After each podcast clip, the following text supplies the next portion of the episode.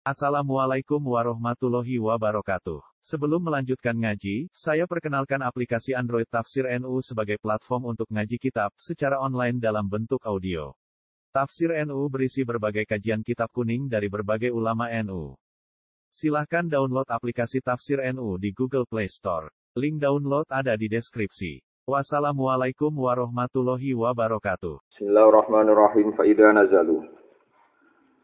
Mongko nalikane padha tumurun sapa tiang-tiang hakikat? Maksudnya nazali itu mriki tiang-tiang pilihan tiang-tiang hakikat. Bila sama il hukuki maring langit-langit hakikat. Au ardil hududi utawa bumi kang iku nuruti hadun nafsi bagian-bagian basyariyahe para wali wali cek lagi wusuh, cek lagi nuruti bagian-bagian dasariah. Kados kawin, kados duwe, iku fadil izni, mongko kelan izine Allah, wa tamkini lan tamkin. Tamkin iku makom sing dikongangno Allah, sing dipermanenno Allah.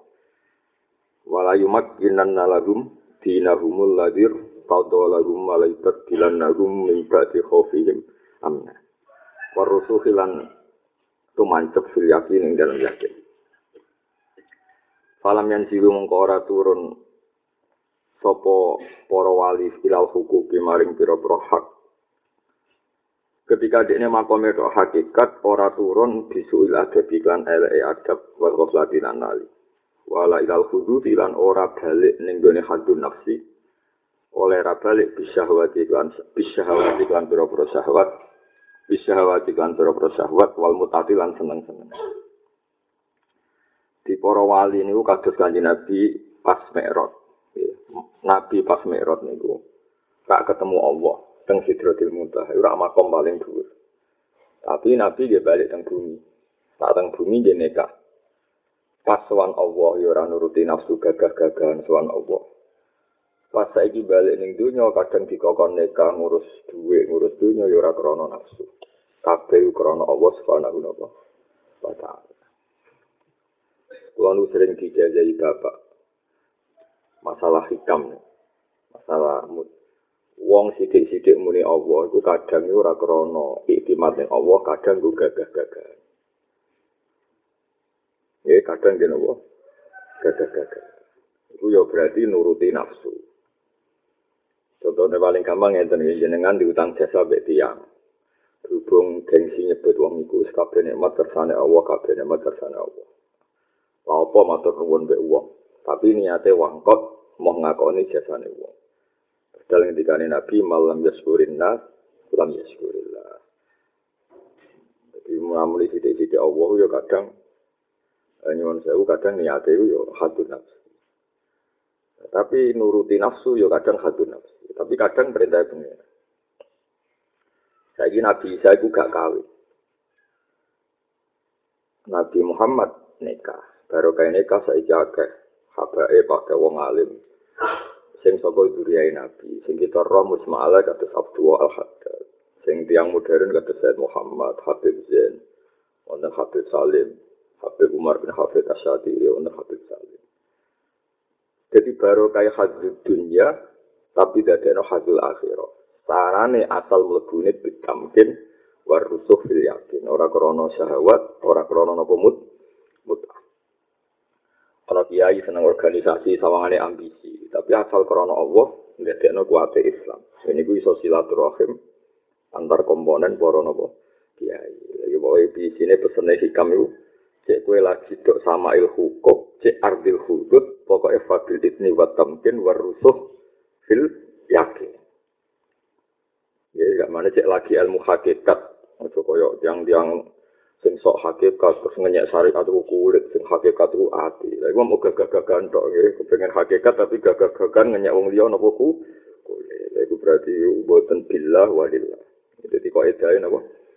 Na ila sama il hukum ce ardil hudud kabeh fadil izni wa tamkin wa fil yakin. Falam yanzi ilal hukum bisuil adab wal ghaflah wala ilal hudud bisyahawat wal mut'a bal dakhul Dale padha masuk sapa para wali fidalika ing dalem mengkono-mengkono sama il hukum si ardil hudud fi dzalika ay fi dzalika ay fi sama'il hukuk aw ardin Untuk oleh mlebu iku billah walillah wa minallah wa ilallah. Lan kula suwun. Nah ana wali-wali sing ramah kados sing kula menangi nek yang modern kados Mbah Arwani ya kados Mbah Mun kathah lah. Iku yang mawon nguatno Islam lewat muasalah, lewat silaturahim. Wonten wali-wali sing tertutup, mek tamu angel, kumpul wong angel. Yang modern dia kata lah, kalau menangi Yai Hasani Stogiri, kalau menangi Batin Yati Bandik Gelang macam-macam. Wiling-wilingan nak kumpul wong itu mari atas, mari saling hasut, mari saling drengki. Akhirnya milih usia. Ini semacam-macam. Pokoknya kabeh oleh, asal kabeh ku billah walillah wa ilallah. Wonten kiai-kiai cara lahir itu garwane kata. Tapi akhirnya nak fillah wa ilallah nurono tiang-tiang soleh wong wali wali sewu bojone agak-agak nyatane guriya ya soleh asal awali fillah wa ilallah wa lillah. Ya ono buktine tenan. Ya ono sing milih bojo sitok ya buktine ya tenan. Kaya ora ono apa-apa kabeh pokoke sementing ilallah wa lillah wa billah eling-eling napa balda qalu fi dzalika billah walillah wa minallah wa ilallah Terus beliau istidlal wa qur rabbi adkhilni mudkhala sidqi wa akhrijni mukhraja sidqi. Wa kulang ucap sira Muhammad Rabbi dupiran ingsun adkhil kula aturi mlebokno panjenengan ingsun mudkhala sidqi ing panggonan sing mlebu sing bener. Nak mlebu ning siji wasilah atau tarekat sing bener. Yo oleh wis bener oleh metu wa akhrijni mukhraja sidqi. Kok nak metu ya metu sing bener. Misalnya metu ning hakikat balik ning tarekat, tarekat ning syariat atau syariat moro tarekat gak masalah. Nak mlebu mlebu sing bener, nak metu ge metu sing bener. Yang penting gak nuruti nafsu. Liyakuna supaya ana apa nadori peninggal ingsun. Ingsun kita sing ape usul ning Allah. Mau ningali ila hauli kamarin kekuatane jenengan wa kuwatika lan kekuatane jenengan. Ida adkhaltani nalikane masuk no panjenengan ingsun. Ida adkhaltani nalikane masuk no panjenengan ingsun. Waktu islami lan nyerai ingsun wang kia dilan nuruti ingsun nilai kamaring panjenengan ida akhir stani nalikane ngetono panjenengan ingsun. Jadi ngeten maksudnya, ini bener sing hitam. Saat ini kanjeng Nabi sowan Allah, teng Sidratil Muntaha. Niku makam tertinggi nopo terpendek, makam ter tapi iku ra iso terus ketika kanjeng Nabi medun ning bumi, kula balen malih. Terus kanjeng Nabi medun ning bumi, mbok pahami nak Nabi ku piye diundang Allah penak-penak kok malah medun. Ya iki bar kumpul Allah kok terima kumpul makhluk. Kira oleh komentar ngono. Mergo pas Nabi Swan Allah ya perintah Allah. Kon balik ning bumi. Ya perintah Allah. Kira ya oleh memahami wong berawar Allah kok saiki terima awar makhluk. Ora oleh kabeh Ya misale ke baru istilah baru kita terus kawin. Terus macam-macam. Ya oleh wae asal iku. fillah wa ilallah. Nak mlebu ya mlebu sing mudkhala sidqin. Engko pas metu metu sing mukhraja. Mukhraja sidqin. Wis kabeh kersane. Kalau rara tenang di atas para wali ini kadang baik ini gara-gara rian tiang tiang sholat kata kata Sayyid Sulaiman mungkin era modern kata tiang segarwane kata era putus kata tenang ini manfaat tenang wong ora mesti. Kadang sing wiki angel tenang ya kabeh ora mesti asal mlebune ora krana nafsu. Mesti sae. Yu fillah wa fillah wa ilallah ini penting kalau terang no jadi Nabi Isa itu gak neka ya apa gue contoh nak uang lu neng dunia mau di waktu. Rasulullah neka di karwan neka Sampai saja penggali ke Bang Munawir Jogja ini nganti turunan ini kata, kiri ini garwane kata, yo barokah swondo itu yo ramet Bah bah bah itu kiri rien, kata sing garwane kata, ya terus turunan ini kata. Itu tiang-tiang sing itu ono nantinya mau mampir, karo sita wae kadang anak emosi ya perkara ini giling-gilingan mau mampir, banyak Quran ngotot. Nek akeh ya oleh, nek sithik ya oleh. Kowe ana kiai sing seneng kumpul wong. Cara lahir ya kemare kedunya ngatur organisasi, ngatur kerajaan macam-macam, tapi dadi nemu muasalah. persambungan antar kiai sak Rian Said Muhammad dia kerso dari Robitotul Alam al Islami. Sani kiai dia kerso, bangun kerso. Jadi ada muasalah bin al Saya itu marhafid dia dalam organisasi al Ya ana kiai-kiai sing ra kersa kumpul wong, wiling-wilingan zaman akhir kumpul wong mau mari fitnah, wis macam-macam. Cek mlebu piye wae, nak mlebu sing mudkhala sikit, kok gak nak metu ya mukhraja. Aja mlebu krana ambisi organisasi ben gedhe. Berarti goro, metu mergo kece, kecewa. Ya wis repot masa Be organisasi ben pondok dhewe gedhe gedhe organisasine dhewe. Kok nak metu mergo mutung kecewa kok. Yo nak koordinasi santrimu ya niat muasalah silaturahim. Engko nak metu rapati semangat ya niat mau ngel-ngel wong. Dadi nak mlebu ya mlebu sing apik. Nak metu ya napa? Metu sing apik jenenge apa mut wala sitkin. Nak metu ya mukhrajan apa? Sitkin. Jadi kalau niku pun ditani apa ilmu ne para ulama tadi tani. Terus pangeran kadang ngendikan wa wa ghaniyun hamid. Aku zat sing semuge sing ra butuh blas. Iku apa? Ngawi sifat takabur. Apik Allah takabur ku apik? Walahu diberiya ufis samawati wal. Tapi Allah sing pangeran sing kabeh sak donya ku wae Allah. Allah iso ngendikan ngene. Manggal ladzi yuqridu wa qardan hasana sapa gelem ngutangi aku? Wong Allah sing sugih sing donya kok istilahno zate? Utangi lha kowe manusa demi gengsi kok mau utang utang barang kalau jaga-jaga paham. Mengirane ngistilahno zate sapa sing gelem? Utangi ya yo aneh wong apa pangeran kok ngistilahno? Ngutangi ya iku nunjukno tanazul. Tanazul artinya Allah dengan derajatnya yang enggak butuh ngajari makhluk ben sawangane butuh. Gue ngajari wong-wong iku tawa kata lho tiang tasawuf sing geblek sok mau utang wong kok butuh wong yo ino wong kok ngaji wong iku ya ino. Aku kok ngurmati iku ino. Sawangane wiki jebule krana som? Iki sawangane wiki tapi hakikate krana napa? Krana napa?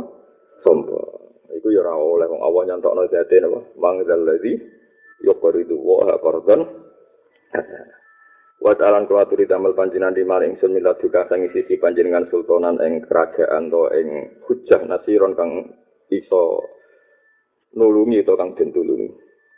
Yang suruh tegese nulungi sapa awal lima ring ingsun wayan suruh lan yang suruh li wayan suruki wala yang suruh alaiya.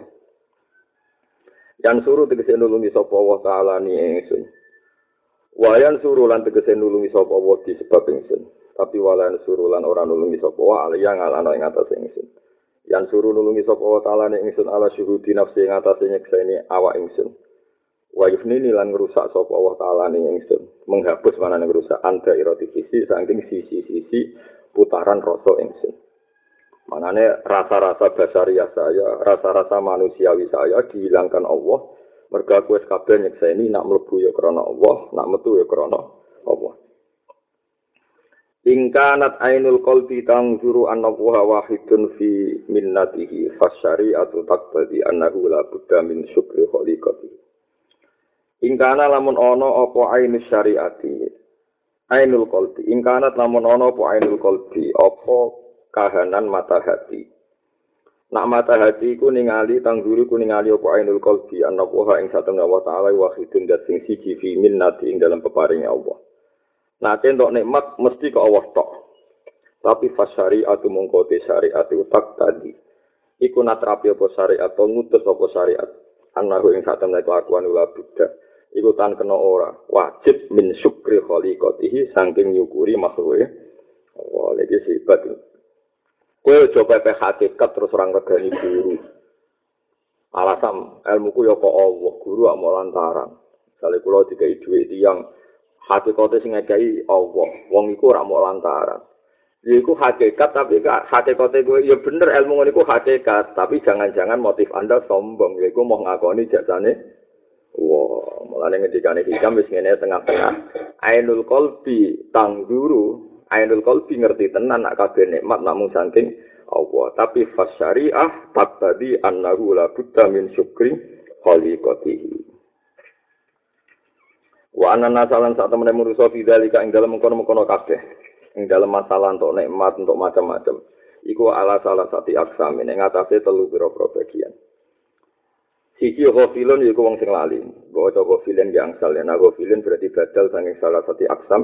Ada mbok sambel ghafilun uh, digawe istinaf ehum ghafilun munhamikun. Uang nantok nikmat niku ana tolong bagian cara menyikapinya. Siji ghafilun wong sing lali munhamikun, ter wong sing surup. Munhamik ku surup sing elek niku sing terjebak karo saniki.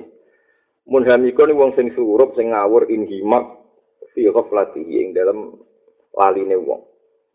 Kawiyat kuat apa dairatu khisi. Kawiyat ingkang kuat apa dairatu khisi. Sisi putaran. Dairatu putaran yang mengelilingi. Kasus alaihim dairatu Jadi dari kiri kanan dikitari keburukan. Kawiyat ingkang kuat apa dairatu khisi. Apa sisi putaran rasa indrani wong. Wanto masat nan dadinte apa hadro dukut sihi. Apa hadro sisi kuduse wong. Sisi sakrale wong.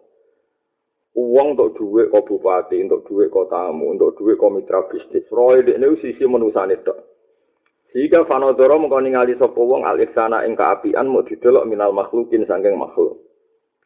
Walamnya setan orang nyekseni sopo wong hu ing ikila ihsan ora dikseni mirobil alamin sangking pangeran sing memiliki saat dunia. Ima atikot dan ono kalane ora yakine saek tekat fasir kuhu mengkote sirike wong jalion jelas. Ika tiang-tiang komunis, Dari sapa nikmat kok Allah? Aku iso urip ya ditulungi iku. Aku iso mangan ya ditulungi iku. Dari sapa? Ya anak nganti ngono berarti bener-bener tekot. Nak ngono berarti sirik kecil. jelas. Wa in mastinat dan ora terang-terangan sirik tapi ning atine iku nganggep nak nikmat tu namung saking makhluk. Wa in mastinat dan ana kalane nganggep nikmat tu diistinatno, disandarno ning makhluk. Tapi ora diomongno. Fasir kuhu mongko te sirike wong kofiyun iku samar, tapi hakikate gak apa sih? Sirik. Jadi misalnya gue di duit akeh, di duit akeh mergo modal, mergo di pangkat. Bareng di pangkat, ilmu ku akeh, terus duit ku akeh. Orang diomong no, lagi sirike khofi. Nah diomong no nganti dadi etikat, sirike nopo ja, jali. Lagi koyo di daun pangeran ketika koron ditanya, kenapa kamu sekaya itu? Kala innama uti tuhu ala ilmin inti. Jadi koron aku suka ini mergo ilmu ku akeh, pengetahuanku Oke, Allah tersinggung. Lan cara kula sedengan nggih kados ditambahi guru-guru kita wis sedengan. Nah, kaya wong yang matur nuwun, tapi tetep ning ati ku yakin kabeh sing ngatur pengen. Nah, kok kena matur nuwun tok eling jasane makhluk tok kok kowe lali pangeran. Iku nak mbok omongno dadi sirik jali, nak mbok endem dadi sirik khafi. Wis tengah-tengah ya eling nak kabeh kersane Allah. Tapi fasari ah tadi anda syukur anda buddha min syukri nabo khaliqatihi wa wa sahibu hakikatin utai wong kang duweni ilmu hakikat. Iku oba iku gaib sapa sahibul hakikat anil khalqi sange makhluk. Wong sing tok hakikat ku oba anil khalqi. Mergo bisuhu malikil haqqi karena nyekseni raja sing hak iku Allah. Bisuhu dil malikil haqqi karena nyekseni pemilik sejati manane ya Allah. Wa fani alan dadi ibu dadi rusak sapa sahibul hakikat. Fani ayafna fanaan anil asbabi sing pira-pira sebab. Mergo disuruh di musabbibil asbabi sebab nyekseni zat sing maringi sebabe para sebab. Wong hakikat itu wong ketika untuk nikmat itu lali makhluk. Mergo mau nyekseni Allah al-malikul haq. Lan lali sangka asbab. Mergo mau nyekseni musabbibil asbab. Fawa mengkoti sahibul hakikat wa abdun. Iku kawulo. Muwajahun kang den agebno. Atau muwajihun kang madep. Madep mantep bil hakikat iklan hakikat. Dohir untuk iku muncul dohir banget, ketoro banget alih ing atase wong apa sanaha keagungane ilmu hakikat. Wong hakikat itu wong sing madep mantep sampai keagungan hakikat ku ketok sali kontur ngandap ngambah litoriko maring toriko. Kotis taula teman-teman nguasani sopo wong ala mudah atau ala madah, ana sing maca ala madah ala mudah sami ngatasé dhuwure atau panjangnya ilmu hakikat. Tapi wero anahu saliyane sak temne iki wong, wong sing sahibul hakikat iku gharikul anwari, iku wong sing kelep ning nur. Matmu sul asari tur dihapusno pira-pira asar kudure Allah, bukti kudure Allah. Kau tahu teman-teman ngelindi apa sakruhu, apa sifat gendengnya iki sahibul hakikat? Sakaru gendeng tapi gendeng villa.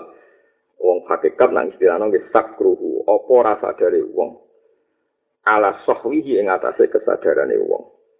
Wajam uhu lan menang apa sifat ngrasa kumpule wong be Allah ala farokihi ing atase sifat kisae wong.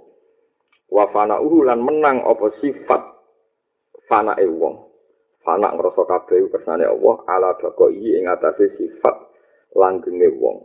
Sifat bakoke wong sifat nak dekne ngerasa duwe eksistensi. Maksud wa wa ibadu lan lindih apa sifat wa ibe wong ala futuri ing atase sifat hadire wong.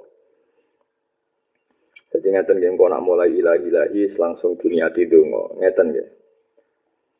Sakniki tiang sing hakikat untuk nikmat. Tiang hakikat sing untuk nikmat misalnya kados wali-wali sing milih ning omah ning kamar.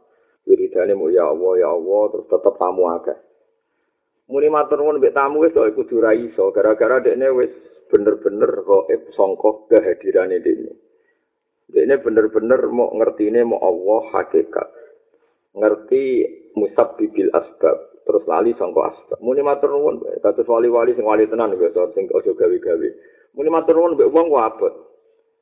Perkara ini wis dekne nyal ngrasa ning kamar, wis ning omah diparani apa-apa teko dhewe. Iku yo oleh. Tapi dene dinyak mbek hikam, makom iku ya oleh. Tapi dianggap makom sing dene kelindih nyekseni Allah, tapi tetep keliru-kelirune iku. Ora nyekseni asare Allah.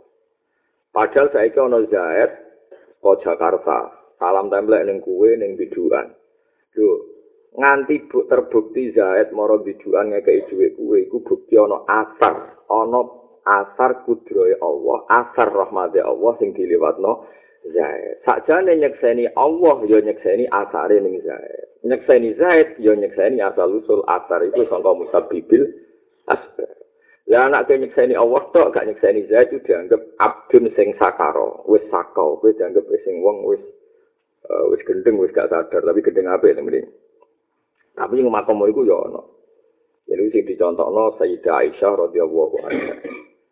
Sayyidah Aisyah ketika duwe fitnah gede di gosipno zina niku susah ra karuan. Hasil wala wali e cerita Sayyidah Aisyah di Allah lewat ayat ning Quran innal ladzina ja'u bil ifki usbatum minkum la tahsabuhu syarral lakum bal huwa khairul lakum Bareng surat Baroah Mesti Baroah atau Aisyah Pernyataan Aisyah benar-benar steril terbebas sangka zina turun dari Abu Bakar kumi ila Rasulillah wahmati.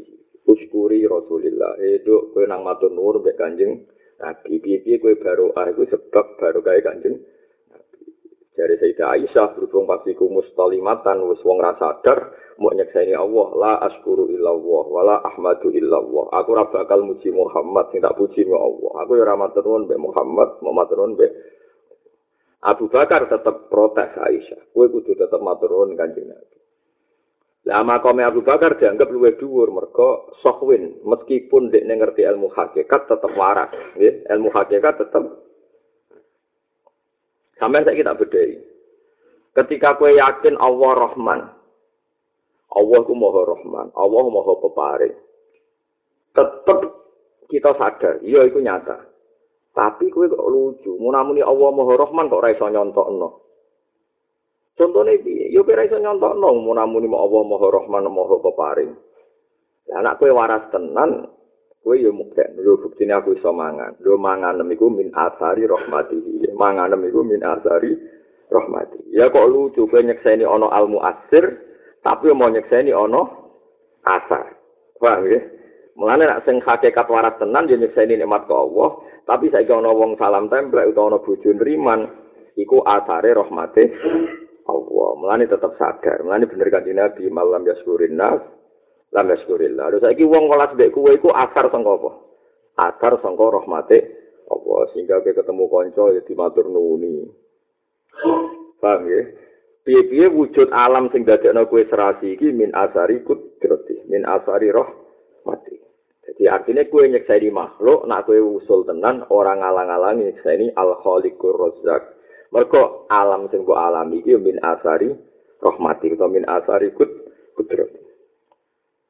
Lane terus hikam darani kawula sing ngene iku ya sahibul hakikah kados Sayyidah Aisyah ya sahibul hakikah. Tapi wa akmalu lan iku luwih sempurna minhu tinimbang sahibul hakikah. Wa akmalu lan iku luwih sempurna minhu sangking utawa minhu dibanding sahibul hakikah abdun utai kawula. Syariba kang ngombe sapa kawula, mesti ngombe ilmu hakikat temen. Tapi fasda mongko tambah sapa abet apane sohwan warase. Wa ghabalan yo sapa abdul mesti ghaib sangka nyekseni hadir nafsi tapi fasda dan mengko tambah sapa abd apa ana kuduron hadire nyekseni Allah Fala jam uhu mongko ora ana utawi sifat jamae wong iku yahjubu iku ngalang-alangi mu jam uhu ing wong an farqihi saking sifat faroke wong. Ate fa lu manane jam uhu ngrasa kumpul pangeran farku nembe bisa saking pangeran. Wala farquhu lan ora utawi faroke wong iku yahjubu ngak mahjubno apa farokuhu ing wong an jami sanding sifat jamune wong wala fana lan ora fana wong ya situ ngalang-alangi apa fana ing wong an bakoi sanding sifat bakoi wong. Wala bakoi lan ora ana sifat bakoi wong ya subuh iku ngalang-alangi apa sifat bakoi ing wong an fana sanding sifat fana wong. Yuk tinga ke isopo wong kula di kistin ing saben-saben sebagian dibalekno kistahu ing sesuai bagiane kula di kistin. Wa yuwaffi lan nuhoni sapa wong wong maneh abdun wau nuhoni kula di hakin ing saben-saben hak dituhoni hakahu ing sesuai hake kula di Iki contohnya niki. Iki kados niku lho wali-wali sing makome mun dhuwur tambah nyekseni Allah ya plus nyekseni asaru kudratillah. Tambah yakin Allah Rahman ya nyekseni asare rahmane Allah. Asal rahmane Allah macam-macam dalam be kanca ra tukaran, dalam be bojo ora geger. Aja kok muni untuk nikmati Allah, kowe ora ngakoni jasane menu manusa. Padahal jasane manusa ning sekeliling iku ya min asari rahmati, apa min asari rahmati. Lah iya mau ana sahibul hakikah. Sahibul hakikah mau nyekseni musab bibil asbab lali asbab. Nyekseni bisyuhudil malikil hak lali alam makhluk. Iku wong apik, dari hikam iku sahibul hakikah. Tapi hikam cek ngritik wa akmalu minhu abdun syariba. Nggih, wa akmalu minhu makom sing dhuwur mau cek kalah makome wong sing syariba ilmal hakikah, tapi fasdada sahwan wa ghaba fasdada hudura. Contohnya napa iki? Waktu kolan teman-teman ngedikan sapa Abu Bakar ini Siddiq. Iki contohnya. Waktu kolan teman-teman ngedikan sapa Abu Bakar ini Siddiq radhiyallahu anhu li Aisyah tamaring Aisyah radhiyallahu anha. lama nazala semangsa itu umur nopo baro atuh apa bebas Sayyidah Aisyah minal ifki sange gosip zina ala Rasulillah ngatasé kanjeng Nabi sallallahu alaihi wasallam dawe dawe Abu Bakar ya Aisyah uskuri Rasulullah sallallahu alaihi wasallam Aisyah kudu syukur maturun be Nabi Abu Bakar yang nemen ngerti ini nak bebas Aisyah murni rahmate Allah tapi Abu Bakar tetap sadar Wabalin. Abu Bakar nemen ngerti ini nak bebas ya Aisyah itu murni rahmati Allah. Tapi Abu Bakar itu sadar. Saking sadar Abu Bakar yang ngerti asare rahmati Allah diliwat no kanjeng Nabi. Jadi tetap nak Abu Bakar jenis dianggap wong sadar. Wong nawa? Wong sadar. Yo sadar ilmu hakikat. Yo sadar asare rahmati Allah itu diimplementasi no ning wujudnya kanjeng Nabi. Fakolat mengko dawuh sapa Sayyidah Aisyah, "Wa wa la askuru illa Allah." Aku gak gelem matur nuwun arane Allah tok. Piye Nabi Muhammad iku makhluk, aku mau matur nuwun.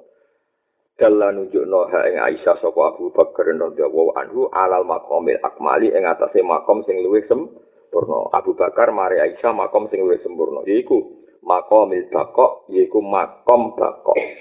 Makom abadi to eksistensine manusa, tapi al-muqaddi kang natrapi li isbatil asar maring tetepe pira-pira asar. Waqat qala Allah taala adiskurli wali wali. Iki kita dikam. Saiki li sing mari kowe wujud ku Allah ta wong manusa. Allah. Tapi piye-piye asare Allah ngersakno kowe wujud diliwatno wong tuwa. Lah mulane tetep adiskurli wali wali. Ora kok terus dadi sirik. Mulane wong saiki kados tiang-tiang yon sewu saiki akeh kelompok sing nemen oleh ra iso ngaji. Nyucup wong tuwa jari sirik kita. Wong kok nyucup mah makhluk. Lu saiki wong tuwa iku asar kudrohe Allah. Anis kurli sing kita wujud itu sebabnya Allah. Tapi Allah mujudno kita iku ana asar sing kita delok rupa-rupane wong tuwa. Wong iso ngalim yo baru kaya Allah tok wis. Tapi Allah ngetokno asar mulange diliwatno gu guru. Iku bukti ora kok terus sirik. Iki piye ana ayat kok anis kurli wali wali te. Kowe nuruti kelompok iki ayat iki ngajari sirik. Li ku ingsun Allah wali wali te ka diatafno.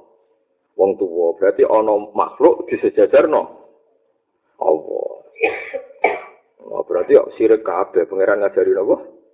Sirik mergo ana anis kurli wali-wali. Ya ora ana ngono Abu Bakar ngajari Aisyah aja ngono lek nduk masih sing maringi kuwi lebaran Allah iki asar rahmati Allah diliwatno Kanjeng Nabi. Kaya asar wujud kita ditekdir lewat wong tuwa. Mulane Allah ngajari kita anis kurli wali-wali te. Yaiku li nunjukno ilmu hakikat, wali-wali te kan nunjukno asare ilmu hakikat. To asare Allah ngersakno kita wujud diliwatno asar. Rupa-rupane wong wong tuwa. Mlane fangzur ila athari rahmatillah kaifa yuhyil ardo napa? Ba'da mau diha inna dzalika ala muhyil mau tapi waktu ke muni Allah zat sing uripno bumi. Bareng kon nyifati bumi. Saiki bumine urip iso nak ditanjuri. Kowe mau ngakoni endi bumi trimo makhluk? Wong ditudono asar kudrohe Allah malah Allah iku Rahman, Allah iku Rahim. Buktine kowe urip ya ana sing maringi rezeki yo urip yo gampang ana banyu. Kok nyifati makhluk gak gelem. Alasane mau eling. Allah iku ora oleh. Piye nikmat sing ana ning sekeliling kuwe iku kabeh min asari roh mati Wakat kawalan teman-teman ngedikan sopo sallallahu alaihi wasallam dakwa la yaskuru waha man lam yaskurun nah, nah sing masyur gini ku man lam yaskurun nas lam yaskurillah la yaskuru ora iso nyukuri Allah ing Allah sapa man wong layas guru kang ora iso nyukuri sapa man al nasa ing manusa jadi dawe hikam wa kana tanana sapa Aisyah ya ya Aisyah fi dzalikal waqti ing dalam mengkono-mengkono waktu iku mustalimatan iku wong sing bingung sing trauma sing dahsyat. Istilam iku kebingungan sing ndadekno mau terjebak ansa hidia saking apa sing disekseni Aisyah. Ghaibatan nganti dek niku ghaib ora sadar ora gelem delok anil asari saking asar. Aisyah pas iku bener-bener wusul ning Allah sampai wa ibatan anil asar. Melani falam tashhad mongko ora iso nyekseni sapa Aisyah illal wahidal qahar kecuali Allah sing siji al qahar. Intine sing aran hikam cerita makome Aisyah yo dhuwur mergo makom sing mau nyekseni al wahidal qahar. Tapi Sayyidah Aisyah terus sakau. Sakau terus gak sadar. Lah makom paling dhuwur ku piye?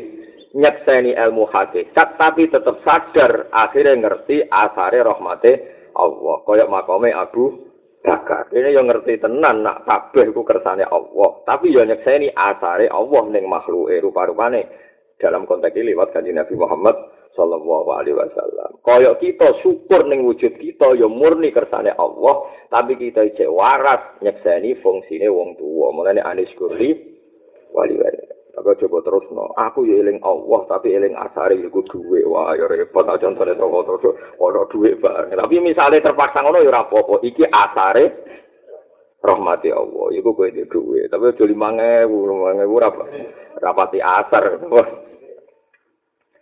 Jadi uang nak ngalim ngoten iki. Sing aran hikam wong ngalim tenan.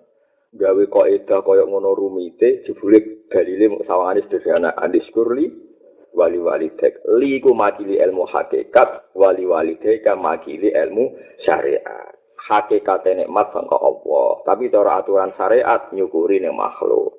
Terus Allah nyontokno kaya anis kurli wali wali tek. Toh yo ngono iku ora sirik mulai kecuali kelompok-kelompok sing sithik-sithik nyirikno wong Karena foto-foto makhluk buat cucu itu sirik wong kok hormat makhluk berlebihan. Lalu mang sing ngendikan anis kuri wali-wali deka apa wong eno apa wong pesantren. Mau sing ngendikan iku penge pengeran. Sesuai kowe nyarai Quran. Anis kuri wali-wali dek. Iki ihamun disirki. Iki mari siring. Wah gendeng bareng. Wah gendeng bareng. Quran kok dikomen. Komentar. Ya cara dohir ya sirik. Wawune wawu atof limut lagil. Jemi. Ya, tapi orang ngono, carane memahami orang ngono. Li ku nunjukne ilmu hakikat, wali-wali kan nunjukne aturan syariat. Iku piye-piye wong tua sayang bukti asaru rahmati, bukti asaru rahmati inna qurratal aini sak temene ademe mripat bisuhu di kelan nyekseni ala qadril ma'rifat iku sesuai kadare ngerti ma'rifat bil masyudi kelan sing disekseni Far Rasulullah mutai kanjeng Nabi sallallahu alaihi wasallam iku laisa. Iku ora bakal ana apa makrifatu ghairihi apa makrifate liyane kanjeng Nabi ku ka makrifatihi kaya makrifate Nabi. Mulane falesa mongko ora ana apa qurratu ainihi. Apa qurratu ainin nggih? Mongko ora ana apa qurratu ainin apa tenange mripat? Mripate wong liya iku ka qurratihi kaya tenange mripate kanjeng Nabi utawa sucone Nabi Wa inna ma kulna mestine ngendikan ingsun inna qurrata ainihi sak temene tenange mata hatine Nabi ufi salatihi. Mergo bisuhutihi sebab oleh nyekseni kanjeng Nabi jalal masyutihi ing keagungan ndak sing diseseni Nabi. Kanjeng Nabi kok nganti nak pas salat seneng mergo pas nyekseni zat paling agung rupane Allah Subhanahu wa taala li anahu krana sak temne kelakuan kok asyara teman-teman isyarat sapa kanjeng Nabi la dari kamare mungkon-mungkon kabeh dikaulihi kelan dawe kanjeng Nabi fis salat wa qurratu aini fis salat tenange atiku ing dalem salat maksudnya ora kok krana salat tapi ing dalem salat mergo pas salat tenange Nabi nyekseni Allah nyekseni ne pas salat walam yakulan ora dawuh sapa Nabi bis salat kelawan lafat salat tenangku iku kelawan sholat. Berarti Nabi tenangnya kelawan ibadah. Iku keliru nak cara ilmu hakikat. Wong tenang kok krono ibadah. Tenang iku krono nyekseni Allah. Sing kadang hasil pas pas sholat. Itu dua krono te kanjeng Nabi sallallahu alaihi wasallam iku la tukiru iku ora tenang apa ainuhu apa matane Nabi. Ainuhu saged mata hati saged mata peninggal. Biwa ora bakal tenang kelawan liyane pangerane kanjeng Nabi. Wake fahat. Wake falan hale kaya iku terjadi. Wa wa ya dulu ala hadal makom. Bahwa te kanjeng Nabi ya dulu ingkang marai sapa nabi itu nunjukno sapa nabi ala hadal makom ing atas ikilah makom. Wa ya murulan perintah sapa nabi bi iklan hadal makom man ing wong siwahu kang saliyane kanjeng Nabi. Dikau iklan dawe kanjeng Nabi sallallahu alaihi wasallam ubudillah ka annaka tarahu. Kena nyembah pangeran kaya-kaya kowe ningali pangeran. Wa muhalun lan iku muhal ayaro utahi yen to ningali sapa wong hu ing hu ing pangeran tapi wa sya dalan nyekseni sapa wong mahu sertane pangeran nyekseni siwahu ing saliyane pangeran. Jadi nabi sing gawe ajaran kowe nak nyembah pangeran kaya-kaya roh pangeran. Lah muni roh pangeran kok roh liya liyane. Nek roh pangeran ya pangeran wae ora usah roh liyane. Saing kala mengko lamun ngendikan sapa kaya nang sing ucap kotakunu terkadang ana apa kuratul aini apa tenange mripat atau tenange ati ku bisa salat iklan salat. Mergo li ana kron sak temne salat ku fadlun anugrah min Allah saking Allah wa barizatun nan muncul min aini minnatillahi saking kahanan rahmati Allah. Pakai famu kok hali kaya apa layak roh ora seneng sapa wong biya kan salat. Wa kefalan hali kaya apa la takuno ora ana apa kuratul aini tenange mripat ku biya kan salat. Wa qala subhanahu wa ta'ala kul bi fadlillah wa bi rahmati fa bi dzalika falyafrahu. Wong iku kudu eling fadhole Allah, eling rahmate Allah, nak eling terus seneng. Fala mongko ngerti sira anal ayat satemene ayat sot au maat. Teman-teman gawe isyarat apa ayat iral jawab maring jawab. Iman kedhi wong tetep baro kang angen-angen sapa man sirrul khitabi ing rahasiane khitab. Sirrul khitabi ing rahasiane khitab. Ikola krono dawuh sapa wa ta'ala fa bi dzalika falyafrahu. Kelawan nikmat kowe oleh seneng. Wong akeh kowe oleh seneng. Ya frofu wong akeh. Tapi wa makola lan orang ngendikan sapa Allah fa bidzalika fafra ya Muhammad. Jadi fal yafrahu ana makom fal yafrahu wong wong kon seneng. Tapi Allah ora dawuh ning nabi ne fafrah ya Muhammad. Kul ngucap sira Muhammad lahu maring para umatem kang ngucap fal yafrahu bejo seneng sapa umatem kabeh bilisani kan ihsan wa tafadduli lan fadl. Tapi wal yakun dan supaya ana apa farahu ka senenge sira Muhammad antayo sira seneng bil mutafaddil kelawan dat sing mari ini iman. Kama qala fi ayatil ukhra qulillah sumazarhum fi khawdihim ya lakun kul ngucap sira Muhammad Allah utahe kabeh nikmat kersane Allah. Sumazar mengkono lini galo sira gume wong akeh fi khawdihim ing dalam seluruh wong akeh surup ning barang-barang gak jelas ya abuna dolanan sapa wong akeh Jadi kamane ngeten ya. Syukur mbek nikmat ku yo oleh, seneng mbek nikmat yo oleh. Tapi makom sing dhuwur yo seneng mbek nikmat mergo nyekseni zat sing maringi nikmat. Kados kulillah sumadaruhum fi khawdihim jalabun. Terus niki. Anasu te manusa fi urudil minani ing dalem tumekane pira-pira nikmat.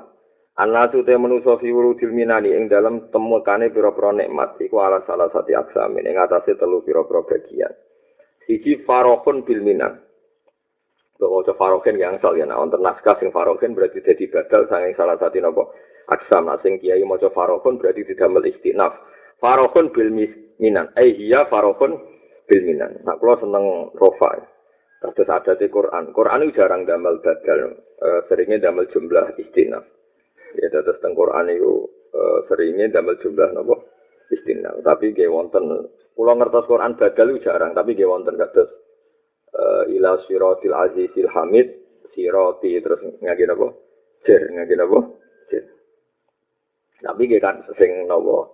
Uh, sing napa? Istinaf niku langkung kata terus bar cerita Allah niku terus istinaf ya terus uh, jum, tradisi kita itu luwih kata istinaf ya, tapi ya angsal badal ya angsal.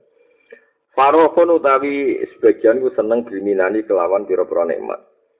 La min haitsu muhdiha ora kok saking sisi sing maringi hadiah nikmat. Wa mun siha utawa mun siuha lan mun siuha mon iki sausi haitsu itu faining jumlah. Wa mun siuha lan sing mujudno nikmat. Ana wong seneng nikmat iku mok seneng mergo iku nyenengno. Tapi lali ora ndelok sing maringi nikmat. Walakin diwujud di mut'atihi. Tetapi krana wujude seneng-senenge wong fiha ing dalam nikmat Fahal zaman kota wiki minal khofilin wong sing lali. Kue di duit seneng mergo ngerasa di duit. Kue duwe bojo seneng mergo enak di bojo. Mau delok nek mate tok lali asal usule sing maringi sopo. Iku jenenge minal khofilin dianggap wong lali. Yas duku beneri alih ing atase wong apa kalau taala hatta idza farihu bima utu akhadna rum bafta.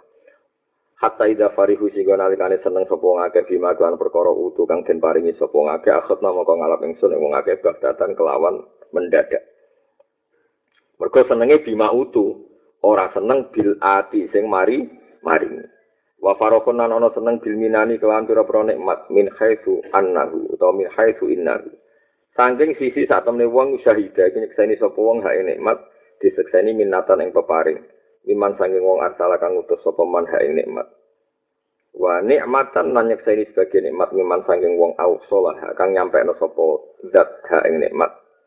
Dadi ana wong iki makome santri makome umume yang yang soleh niku makome sebuti yo nikmati nikmat yo nikmati duwe duwe tapi saat itu juga sadar aku diparingi duwe alhamdulillah bukti Allah sayang aku bukti Allah maringi nikmat aku. Nak ndelok ngono berarti ndekne roh nek mati dhuwit, nek mati bojo, iku yakin nak ana sing ngutus sing ngirimi rupane Allah Subhanahu wa taala. Lah nak ngono ya cukup bener ya ali ing atase wong apa kaulu taala kul bi fadlillah wa bi rahmati fa bi dzalika falyafrahu wa khairum mimma yasma'u.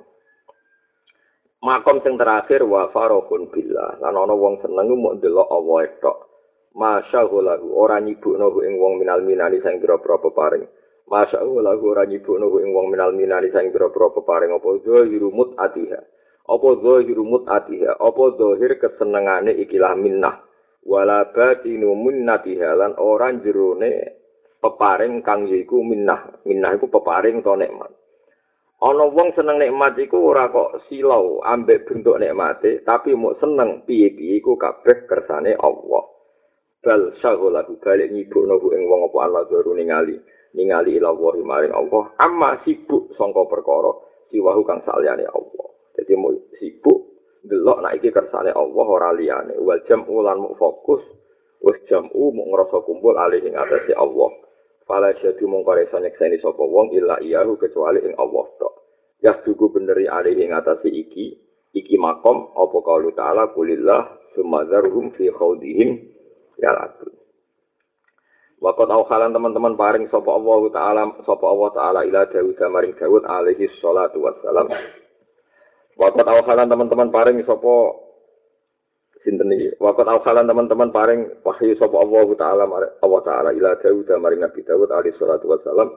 Ya Daud duwe Nabi Daud kul ngutapo sira li sidiki namaring pira-pira wong sing bener. Sidiki wong sing bener banget, ora mau bener tapi bener banget mereka sifatnya mubalah kok sodik itu bener nak sidik banget bener Dawe Allah ning Nabi Dawud di kelawan ingsun. Fal yafrahu mongko yo seneng sapa wong akeh. Wa bi dzikri lan kelawan eling ingsun. Fal yatana amu mongko ngrasa nikmat sapa wong akeh. Ini mulai kulo suwon ini, ini mulai dungone hikam. Mulai kulo ini buatan apa-apa. Jenengan buatan anut kulo, buatan guru anak kulo, buatan apa-apa. Tapi gue iling-ilingan, Allah gadah sunnah alis kurli, wali-wali. Kulo jarang alim riyen niku sering diceritani bapak hikam, keriyen nate ngaji badullah. Tahu saya kulo kelas tiga aliyah, ngawas Mbah Mun hikam. Kita kudu matur nuwun, misalnya Mbah Mun muridnya Mbah Zubair, Mbak Zubair muridnya Mbak Fakih Mas Kumambang. Mbak Fakih Mas Kumambang itu muridnya Kiai Mahfud napa?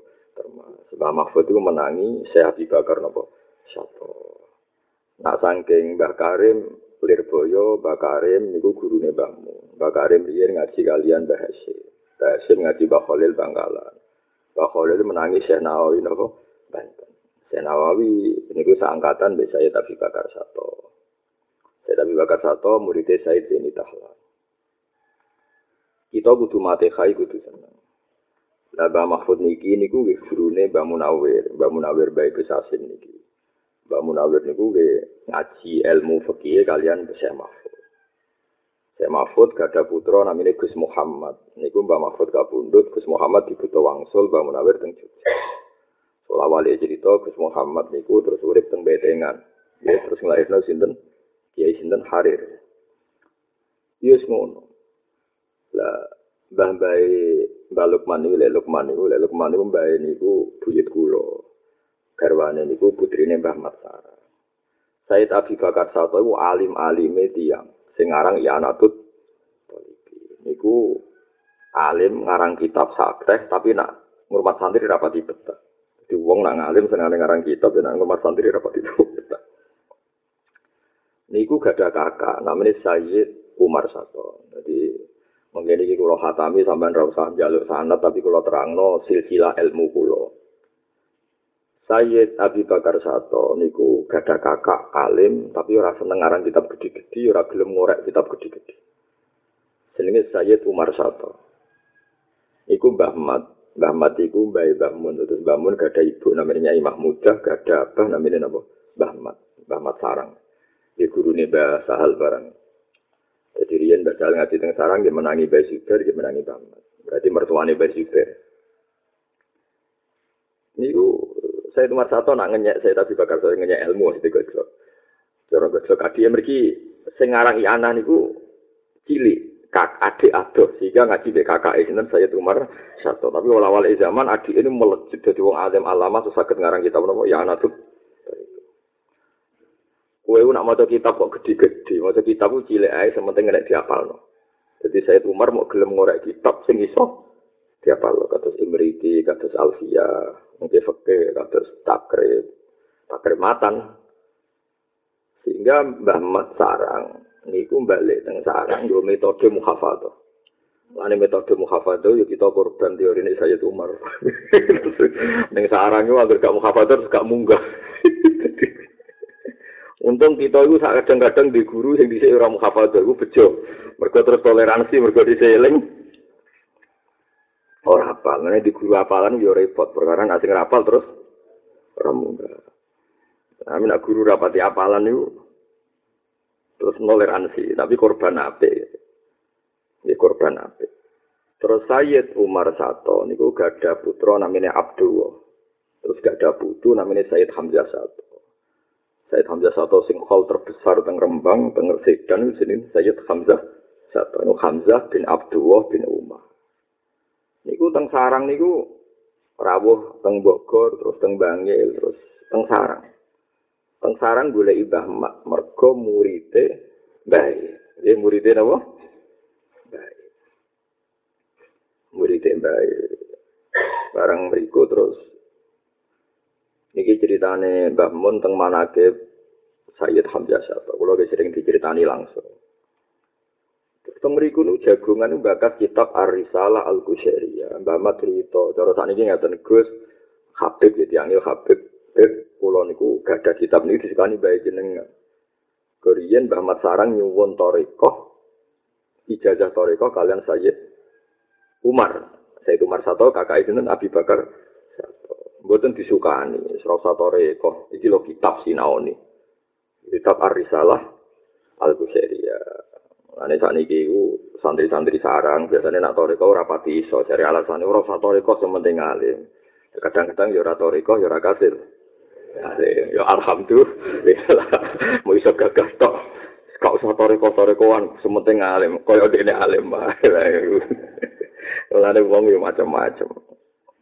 Lah Said Hamzah niku teng Sedan, Iku nate garwa buyut kula, tapi buatan kula buatan putune buatan dados mbah kula buyut kula niku pun anak mbah kula Fatimah niku buyut kula niku kabundut. Nate digarwa Said Hamzah.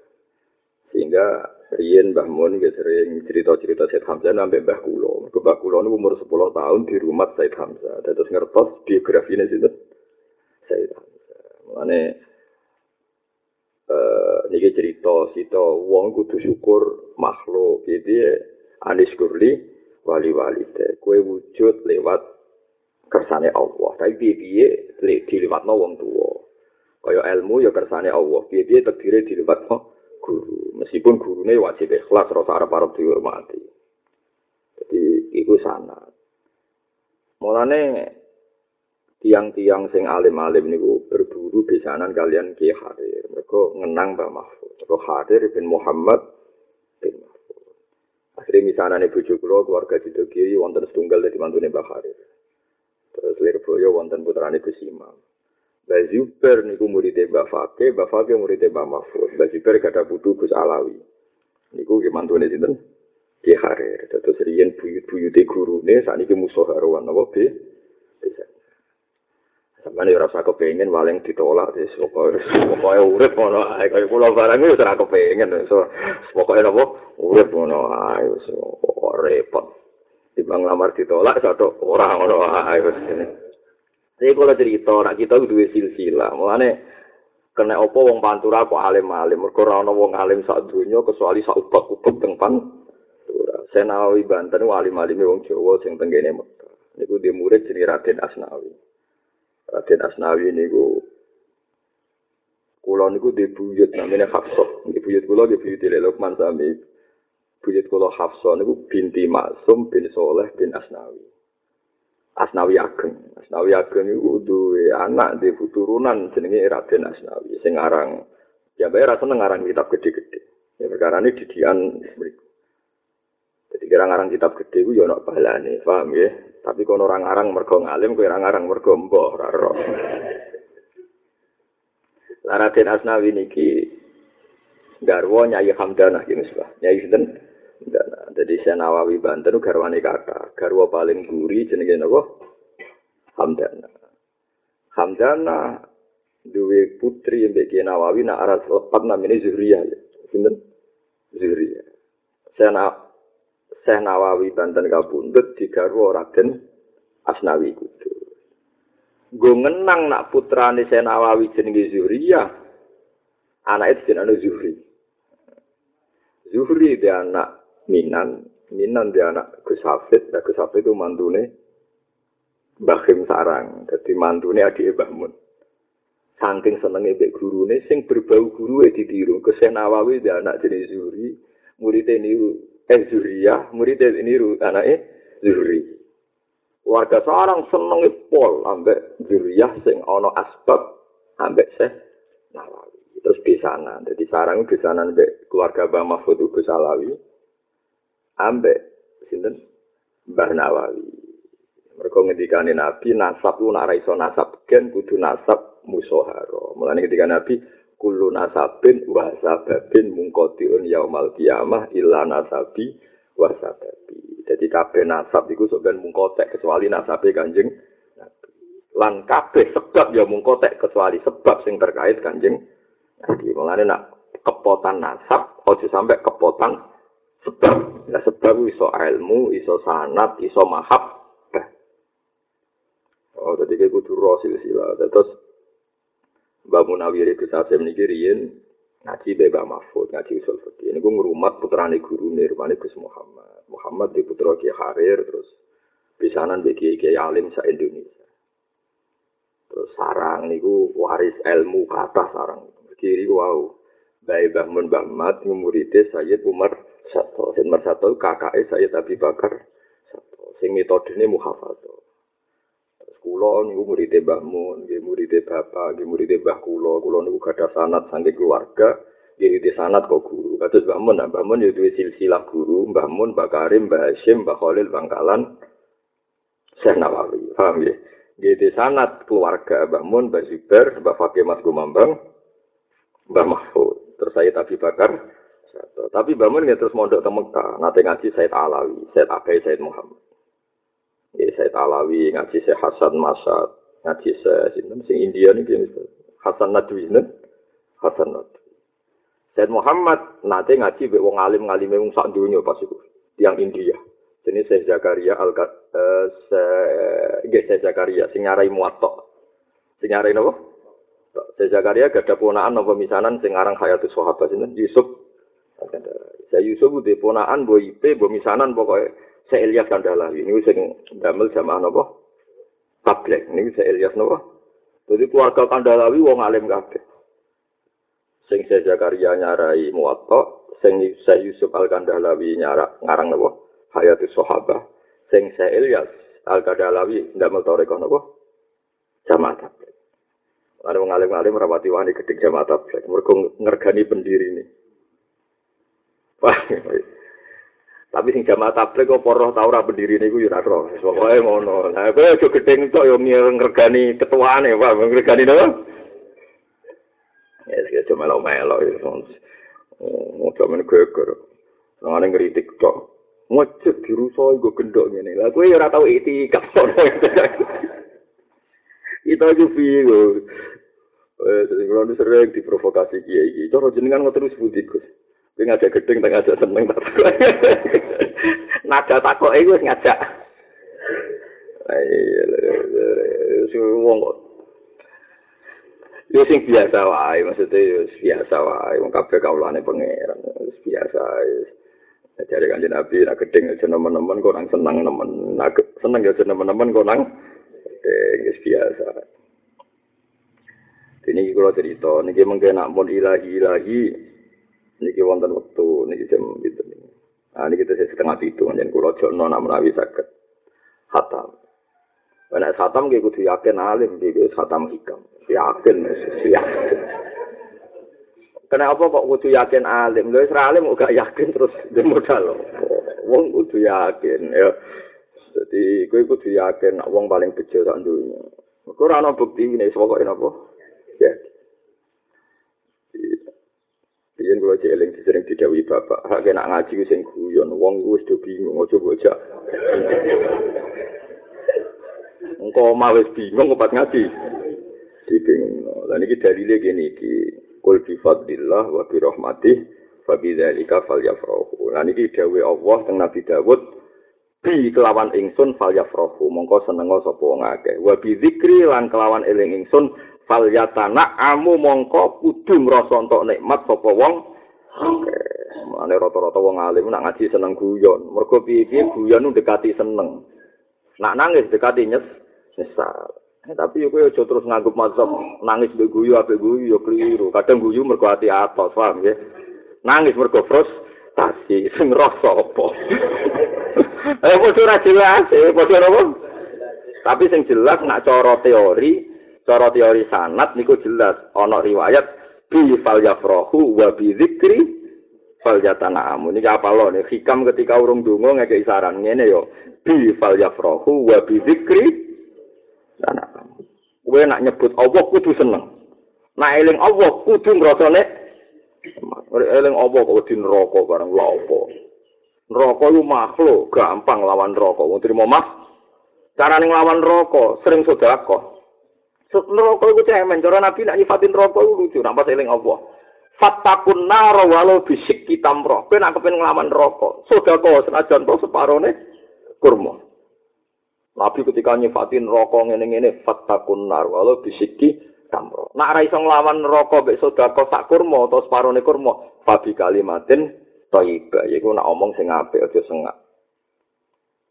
Artinya neraka itu bisa dilawan. Ya piye-piye terima makhluk, piye-piye terima makhluk. Mulane niki jelas nggih, waqat al taala ila Dawud, ya Dawud kulli siddiqin. Kandakno ngomong sing seneng aku tenanan. Bi fal yafrahu wa bi dzikri fal yatana. Mulane kula ape susah kuwi isin. Kula yo menungso ajine nggih susah. Kadang krungu kabar si aku nak mbek jenengan ngeten. Kadang-kadang kula yo sebagai manusa kadang-kadang kepen susah, tapi wis susah mbek pangeran kuwi isin. Sing seneng kula yo kersane Allah, sing ra seneng yo kersane Allah. Tapi susah kuwi isin. Nah seneng, gak isin aku perkara ana hadis ana sanate pancen nak eling Allah kudu seneng. Muni lele mati kersane Allah kok susah. Nah, muni Allah iku seneng. Paham ge? Wis muni Allah kok. Susah ra ora. Wah. Kudu ngono lah kowe tenan muridku kudu ngono. Wong sanate ku bi fal yafrahu wa bi zikri fal yatanamu. Kadang ngandel aku apa ngandel sapa kowe paham. Ya sementara wae nganti kowe sebenarnya salim ora ngandel lah. Soale saiki sementara ngan apa ngandel. Nanti kowe alim sak dhuwur kowe. Sementara mawon pun ampun kula ora bakal bangga di murid sampeyan ya. Tapi ora bakal susah lho. Ora bakal apa? Susah. Paham gitu terus Riyen kanjeng Nabi ini bisa seneng tenan, nak bakas Allah bisa seneng tenan, seneng banget. Sampai Nabi ini bidas dengan Yahudi. Kalau nu apal hadis teng Musnad Ahmad, teng Ibnu Majah, sampai kalau tulis beberapa marojek peristiwa itu. Oh Nabi ini lucu. nak nyifati Allah niku teng mimbar, ya mimbare Nabi niku. Oh nak nyifati Allah niku nganti goyang-goyang itu. Sampai sahabat dari ceritane Anas bi Abu Hurairah mundur. Wah, iki mimbare rupa kena. Wah, sahabat asli dia parah. Nabi dia musul malah edo. Berarti wong Yahudi pertama wong Yahudi ku sowan Nabi. Wong Yahudi pinter ngetes. Ya Muhammad, somben niku nak kiamat iku piye? Piye maksud ben umat nak kiamat? Allah dakok hadi samawat alazi wal arodin alazi wal jibal alazi nunjukno dirijine wong Yahudi. Nabi ku guyu ngakak-ngakak, hatta badat nawajidu, Nabi guyu, guyu keras. Guyu seneng Nabi. Wah, ya hebat kok di Yahudi, pangeran kuwasa. Langit sing kondange ngono cuma diperkes, bumi terima diperkes. Padahal cerita perkesane bumi ku aja nabi guyu, guyu sempurna. Iku napa? Wa ma qadar wa haqqa qadrihi wal ardu jami'an qabdatuhu yaumal qiyamati was samawati matwiyatum Bariku nabi khutbah, suatu saat nabi khutbah. Niku cerita niku langit kodange ngono. Ambe Allah tidak kok ning drijine. Mau nyifati Allah di nyunjukno drijine. Nabi sangat seneng mbek goyang-goyang, nanti mimbare goyang-goyang. Lha sampe di kok arep do itu. Endo dari asa kitun wa biro wah ngati rupa perkara. Kowe nyebut Allah kok dingin-dingin nek. Wis gak dikira blas, gak sampean wis gak wali blas.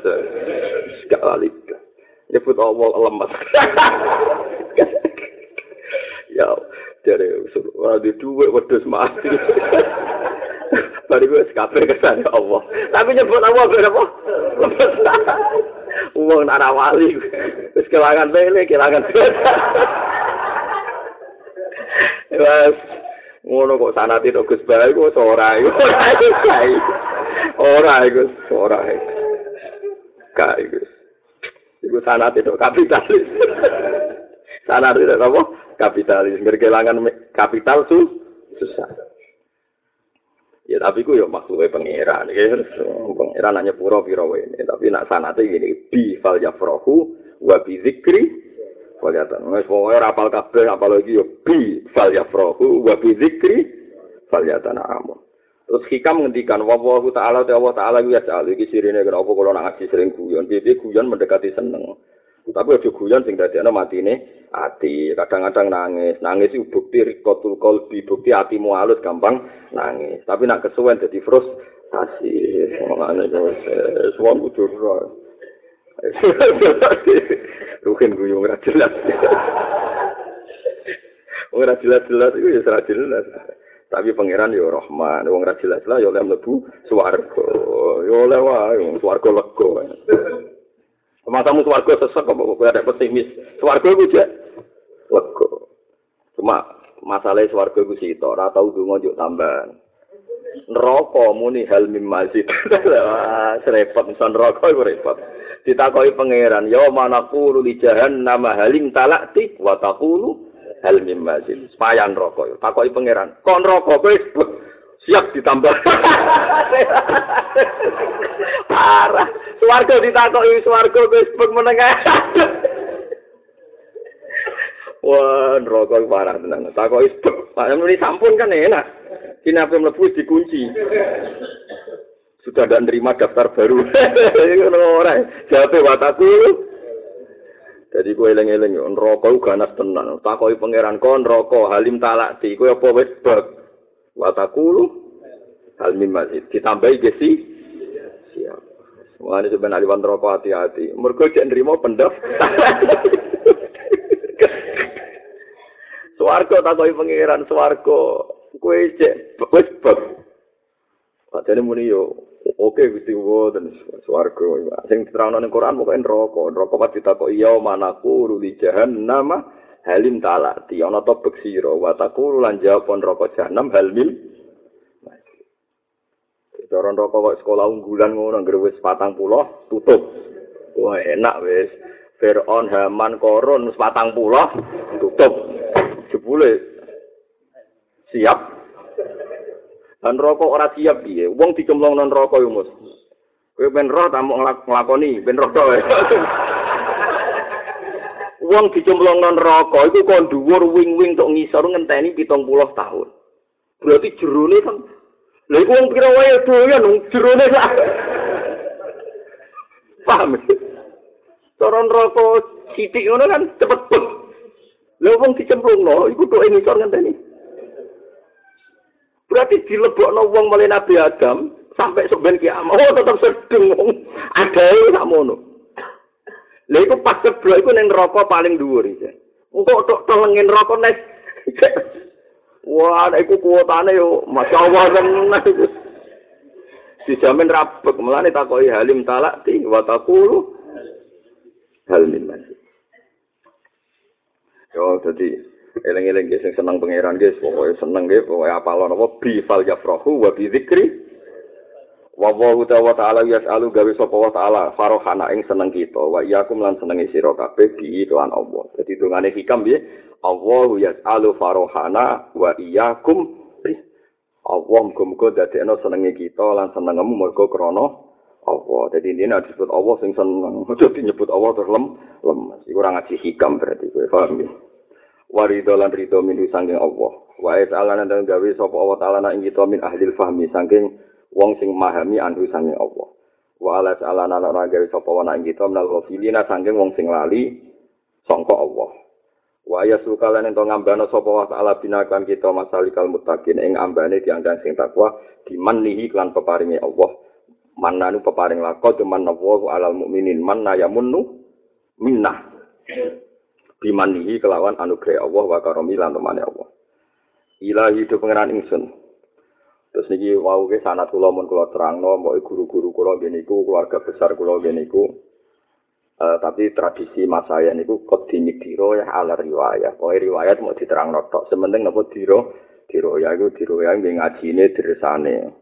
Ora kok bangga mek gurune mbambai guru kowe dhewe ra jelas ilahi do pangeran ingsun ana uta ingsun al fakiri wong sing fakir. Fakir fi hinaya ing dalam zaman suga ingsun. Kula zaman ngrasa suga fakir. Fakir famo kok hale kaya apa la aku ora ana ingsun fakiron iku kere fi fakir ing dalam fakir ingsun. Kula zaman ngrasa suga fakir. Apa meneh zaman? Fakir. Tambah fakir. Ilahi do pernah ingsun ana uta ingsun ajaib wong sing bodho. Fi ilmi ing dalam ngrasa ilmu ingsun. Zaman aku ngrasa ngerti wae bodho, fakih famo hale kaya apa lah aku ora ana ingsun iku jahulan iku bodho fi jahli ing dalam bodho ingsun. Zaman kula ngalim hakikate bodho, apa zaman? Bodho tambah. Tambah bodho. Ilahi do pangeran ingsun inna ikhtilafatat dirika sak temenis wolak walike kota gonta gantine ngaturi jenengan. wasur ata khulu lima qadiri kalan cepete nempate tegir-tegir jenengan iku mana iku nyegah apa tadbir lan suratil khulul ibadah ka ing boro kawula panjenengan al arifina kang ngerti kabeh bika ing jenengan. Anis suku ni saking condong. Condong ila atau in maring peparing. Wal yaksi lan menghalangi. Manaa ibadakal arifin anis sukun ila atau in wal yaksa nggih. Wal yaksa lan nyegah sangka putus asa. Mingka sanging panjenengan di dalam ing dalam musibah. Jenengan ngatur dunya cepete aturane jenengan kok kantos ngoten. Wong sugih ujug-ujug kere. Dhisik terhormat dielu-elukan sawangane kaya-kaya ape dadi presiden sawangane ape dadi pejabat jebule terus jatuh. Ana wong sing nyek sawangane ino ujug-ujug diangkat pangeran. Wis gak jelas. Berhubung takdir ora jelas kowe ra roh saiki kowe aja anteng delok peparing lan aja putus asa nalikane untuk musik sifat. Nak pangeran molak malik piro wene ya nak pangeran molak malik piro wene. Dhisik wahsi kaya eleke ngono, mata ini Sayyid Hamzah. Pangeran kersakno wahsi ujug dadi kekasih pangeran. Terus dene iman saged mata ini pengarang Quran sing palsu rupane Musa lama napa al al Tak labah dhisik tukang ning masjid sampai dilakopi merpatine masjid. Wala wali zaman Jadi wong fasik medhite ra karuan kon zakat ra gelem. Fa qabahum nifa kon fi qulubihim ila yaumi yalqanahu bima khlafu wa ma wa'adu wa bima kanu yadzibun. Akhire sak labah sing tukang itikaf dadi munafik, dadi suul ora ana sing roh. Manis wong nak roh takdir iku terhalang sangka sukun ila atoin wal ya samingka fi bala. Ilahi do pangeran ingsun.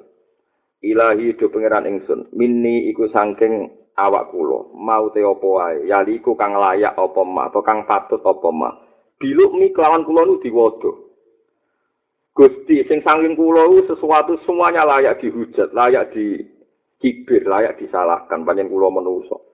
Makhluk iku anane salah. Tapi wa mingkalan saking panjenengan Gusti ma ute apa wae? Yali iku kang layak apa ma dikaromika kan sifat lo jenengan Tapi jenengan zat sing anane ku lomo. Baru kayak Allah lomo, salami disepur. Jadi kena matur pangeran Gusti jen kula nu layak disalahkan, layak dicibir, layak dihinakan. Tapi jenengan anane namung layak gak ada sifat lo. Artinya ben jenengan disepuro. Jadi hikam nu nanti niku curhat. Curhatnya be pangeran. Terus piyambake ngendikan malih, ilahi dumeran ingsun, wasofta nyifati panjenengan nafsaka ing dat panjenengan. Jenengan nyifati zati jenengan bilutfi kelawan sifat alus warofati lan welas. Welas bi ing ingsun. Qabla wujudi lutfi sedurunge wujude apes ingsun. Afatam nauni ana to nyegah panjenengan ni ing ingsun? Min huma sanging sifat alutfi warofa alutfi warofa gak wujudi lutfi sause wujude lemah ingsun. Riyen jenengan riyen-riyene mun darani zati jenengan sing welas mbek kula. Padahal kula pasti urung butuh dhuwit, urung lemah. Mosok saat ini wis lemah jenengan barno. Mboten mungkin. Sifatnya jenengan tetap abadi ila yaumil kiamat jadi kamane nak jenengan rohman riyen nggih rohman jenengan ila yaumil kiamat mulane ya nak donga apa ya napa? Innaka afuwun karim tuhibbul afwa fa'fu anna ya karim. Ilahi do ingsun ing tuharat namun pertelo apa al mahasinu pira-pira kaapian mini sange ingsun. Iku yo fabi fadika moko krana fadole jenengan. Wala kalan berhak gede panjenengan al minnatu te ngundat-ngundat alia ing atas ingsun. Nak kula saged apik mergo fadole jenengan. Niku mohon jenengan berhak ngundat-ngundat kula. Padha ngundat-ngundat niku nggih ben wong ora sok ujug. Kalau itu diparingi alim, ya kersane pangeran, diparingi duit, ya kersane pangeran. Pangeran cek berhak ngudat-ngudat kue, majib no zakat, majib no mulang, Macam wae pangeran.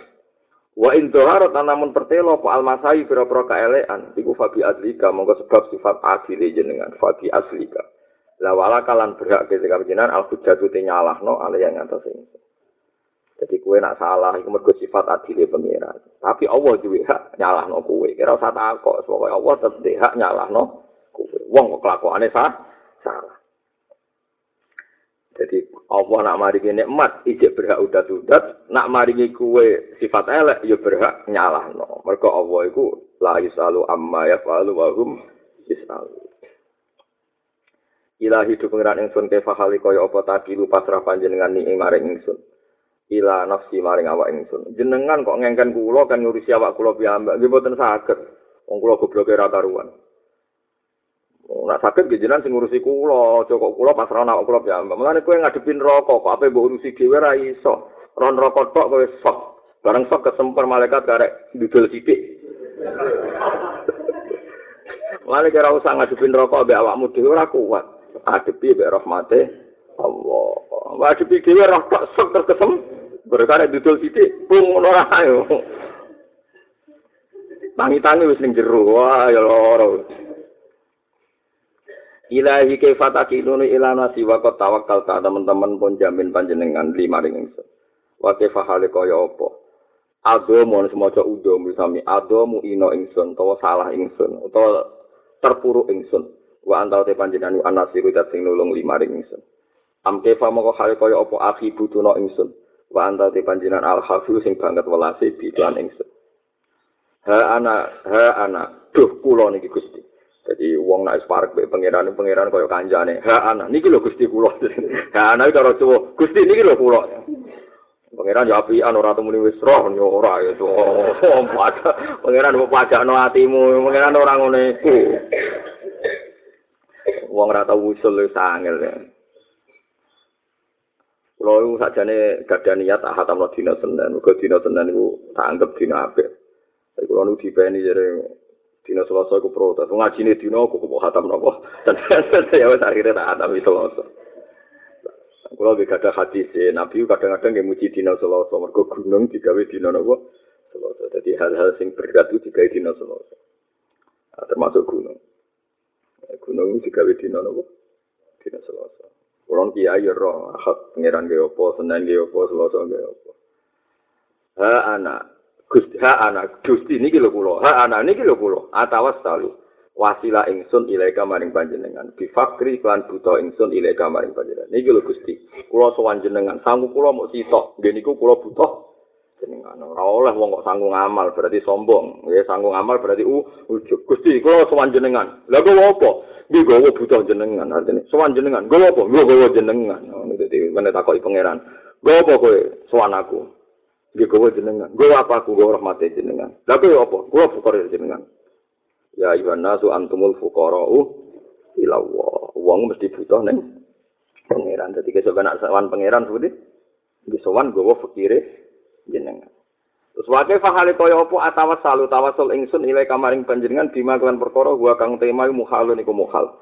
Ayat silain to tumeka apa ilai kamaring panjenengan. Tapi bareng-bareng muni ngono dirubah meneh. Gusti, mau sok tawasul be jenengan be barang sing mukhal dumugi teng jenengan. Manane niku sifat fakir niku kan sifat sing anane teng kula boten teng jenengan. Akhire walhasil Mau sing ate cerita ngeten nggih.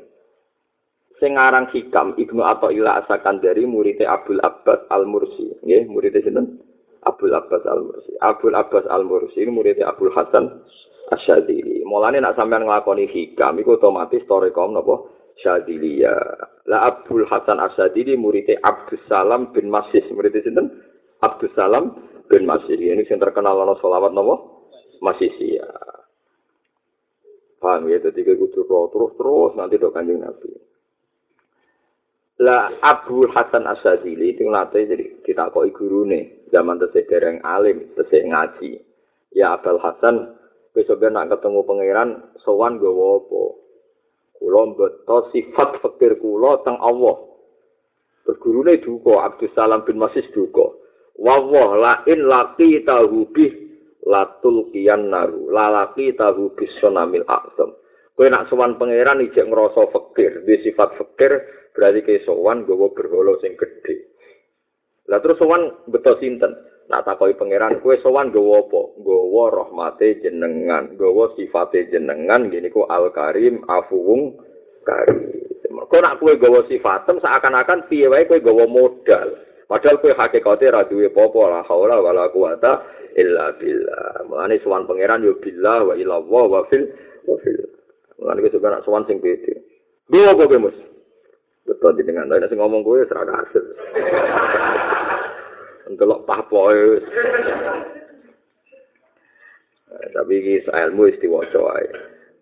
Wa am kaifa ta khali kaya apa asku wadul ingsun ile kamaring panjenengan. Kula wadul khali ing keadaan ingsun. Kula kok wadul panjenengan iki keliru. Kok wadul? Tawa ya te khali kula takfa ora samar panjen. Apa khali ale kae ngatasé panjenengan. Gusti, kula kok saged keucap wadul panjenengan sepundi? Kok wadul barang? Wong semua keadaan kula ora samar teng jenengan. Ora usah wadul, wong ora samar. Tapi nek gak wadul, engko udunan kowe ora wis kula kuwi. So nek ben matur nggih. Matur. Iki makom hikam. Am kaifa ana ta hale kaya apa tarjimu jelasno ingsun tak kamaring panjenengan bimakoli kan pengucapan ingsun. Bahwa wa te makoli mingka sanging panjenengan yu baru ingkang muncul apa makoli ya ile kamaring panjenengan. Kula matur panjenengan ambek mulut kula ambek lisan kula. Wong lisan kula iso ngomong mergo kersane jenengan. Lho jenengan sing ngersakno kula omong kok malah nerangno jenengan iku apa-apaanan. Ya ya kowe iso ngomong kersane sapa? Allah. Kowe iso ndonga kersane Allah. Terus Allah kok terangno. Lho sing gawe iso omong kowe Allah kok malah Allah kok terangno. Dirasa terang no. Amke fa ana ta kale kaya apa tu khayibu nunakno panjenengan merugikan panjenengan amali ing pira-pira angen ingsun. Kok jenengan ngrugekno angen-angen kula sebuti toh waya kale te amali kot wufidat to kot wafat. Teman-teman terdelegasikan kekirim apa amali ile kamaring panjenengan. Kulo niku yakin jenengan ra bakal nyanyo kulo. Amke fa ana ta kale kaya apa latusino ora bagusno panjenengan ahwali ing pira-pira tingkah ingsun. tawa bikalan sebab panjenengan komat jumeneng apa ahwali wa ile kalan paring panjenengan jenengan kok gak ngapi kula sepundi wong anane kula ya sebab jenengan mulane anane kula ya wis apik ngene-ngene ya kersane jenengan. Pun anggap apik mawon ya ono wah ilahi do piran ingsun. Ma altofa ma duh cek banget te altofa welase panjenengan. Melasnone perkara kaing panjenengan bilan ingsun. Duh cek welase jenengan mbek kula. Maadi mijali serta nek banget e bodho ingsun. Jenengan cek melate mbek kula, padahal kula bodhone pol, tapi jenengan tetep wel. Enggak. Nabi iso guyu ning donya pantes wong dijamin swarga. Sahabat iso guyu yo pantes wong dijamin swarga. Lah kowe ora ono sing jamin kok iso. Wah iku saking walase Allah. Wong ora jelas nasibe kok.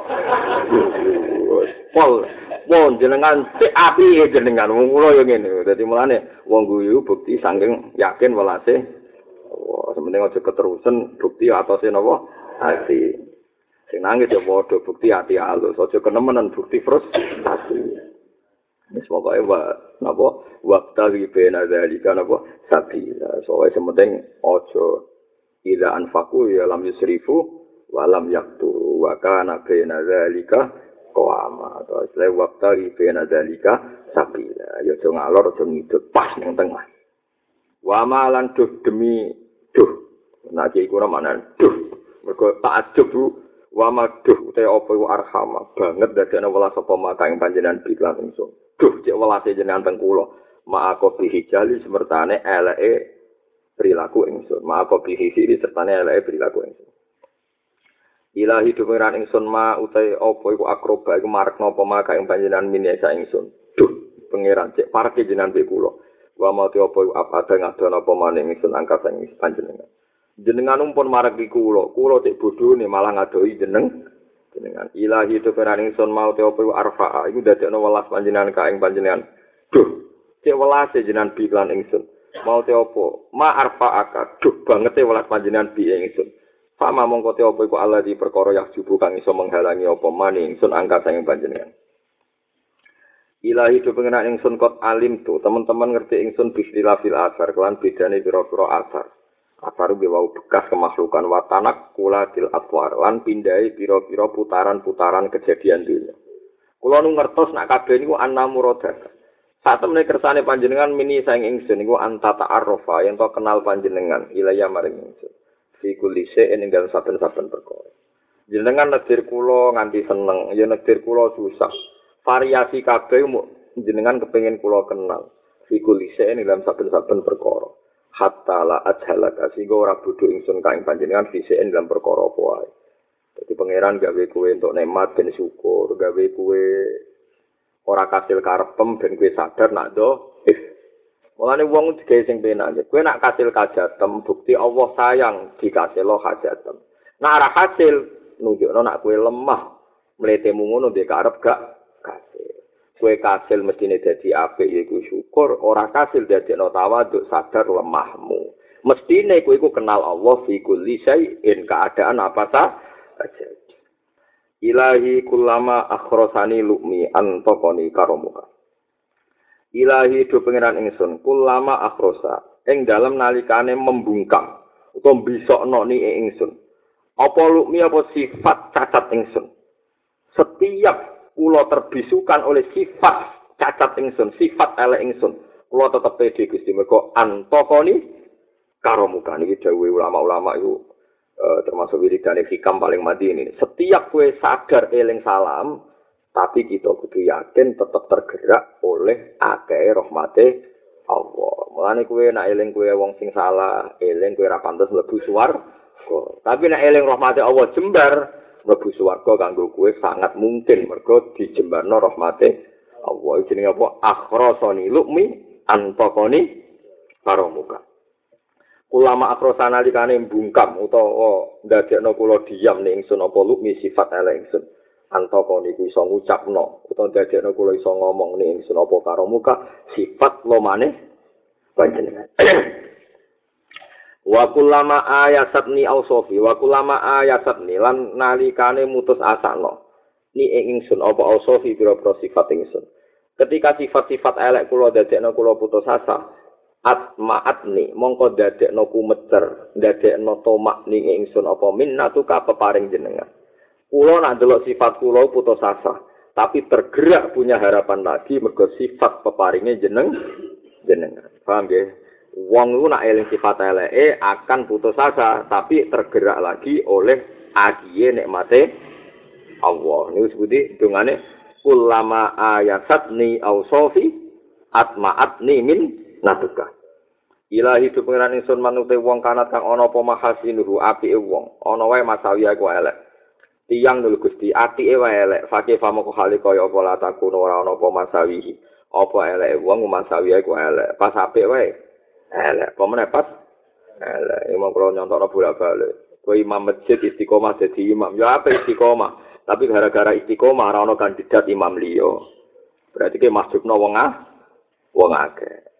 api ewe ono elek apa meneh pas elek kowe di toko laris keluargamu mbok kakek iso dako toko pelangga mahjub pas apik wae apa meneh pas pas elek kowe wong alim terus akhlake apik. Wong alim akhlake apik nek omongan hati-hati ya apik wong apik kabeh dadi ono karismatik. Bareng karismatik ora ono wanita kok. Bareng gak ono wanita kok ilmu mah pas apik wae ana elek. Apa meneh pas? Elek meneh ra ngalim bisa kemelek. Tambah elek. Pas apik wae.